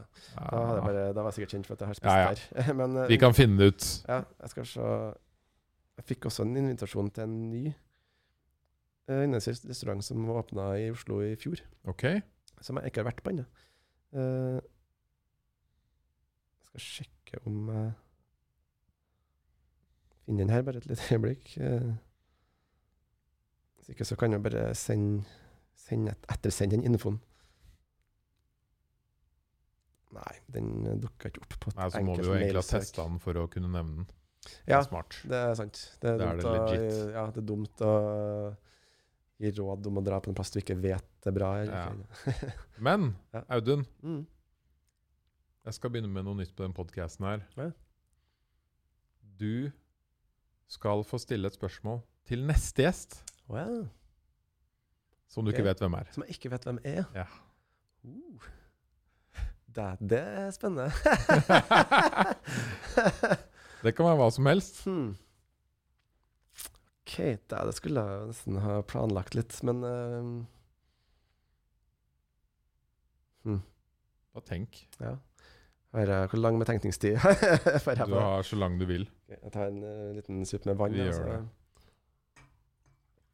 Det er ingen uh, hint om, uh, om Jeg vet selv ikke hvem neste gjest er. Nei, nei, sånn, ja. Nei, Så jeg kunne hinta til det, men ja, nei, ok, eh, ja. okay, da, er det ikke, da er vi på lik linje. Mm. ja, nei, men ok, la meg tenke, da. En spørsmål det kan være alt fra små ting i livet Mm. til de store spørsmålene i livet, til uh, mat, kultur, mm. alt mulig. Mm. Rutiner, livet, universet. Kan jo eh, kanskje prøve å ta den i kulturretningen da, og stille spørsmål som er delvis relatert til ting vi prata om i dag, men som, som ikke skal få det til å handle om oss. Og det kan jo være hva er, hva er ditt uh, største kultursjokk? Yes. Uh, det, er, det er jeg nysgjerrig på. Hva er din neste gjest, uh, hva slags opplevelse den sitter med? Fett, fett, fett. Jeg bare husker det, vet du. Ja, det må skrives ned. Men veit du hva? Det skal jeg klare å huske. Audun, Mm. Tusen takk for eh, besøket på podkasten. Ja, tusen takk for at jeg fikk komme. Det var kjempehyggelig å sitte her og prate med. Ja, det var drithyggelig. Ja. Og eh, alle finner jo Nazi Padang veldig lett på YouTube, hvis de søker på den. Den tror jeg skal være ganske lett å finne. Ja. Og i tillegg så er det noe sted de kan følge deg, eller noe sånn internett Uh, ja, eller det ja, det er jo på Instagram og sånn. Nå har jeg ikke vært spesielt aktiv der de siste egentlig nesten par åra, må jeg ærlig innrømme. Jeg, jeg, fortsetter, fortsetter liksom å poste en story i ny og ne, og, og jeg har jo også noen sanger som sikkert kommer til å komme ut etter hvert. Ja. eh, og noen prosjekter som De kan følge deg. Ja, eh, så hvis noen skulle være interessert, så eh, heter jeg vel Kvitland Music Official. Ja. Men, Vi skal uansett legge alle linkene som vi har Hvis vi finner alle, da, som vi har snakket om i dag. Til sangen, dokumentaren, mm, den andre dokumentaren til Audun, Ja. som er helt epic. Ja. vil jeg kanskje si at det beste tipset er å sjekke ut dem. Da. Eh, Det den uh, første den har vi nevnt, er Nazibadang, et viralt eventyr på NRK. Den andre er Newtopia, og den tror jeg man må finne på Den tror jeg man bare kan få kjøpt eh, en sånn streaming-link av eh, Audun sjøl på utopia.no, Ja. tror jeg. Jeg tror det. Eller, Jeg eller, eller nå. utopia.com. Eh, Men den er verdt å leie, altså. absolutt. Jeg fikk ordentlig value for penga. Ja, ja og det, det som er kult, er at man også bidrar til å støtte et uh, lite lokalsamfunn eh, med urfolk i Indonesia. Eh, Sånn at jeg tror halvparten eller noe sånt av overskuddet går til å hjelpe dem med litt utbygging av noe plass å bo og nice. infrastruktur. Ok, Mm. da er det ut i Oslo by og prøve å finne noe indonesisk mat. da. Ja, det er det. Jeg skal faktisk uh, Tusen takk for i dag. Takk for i dag.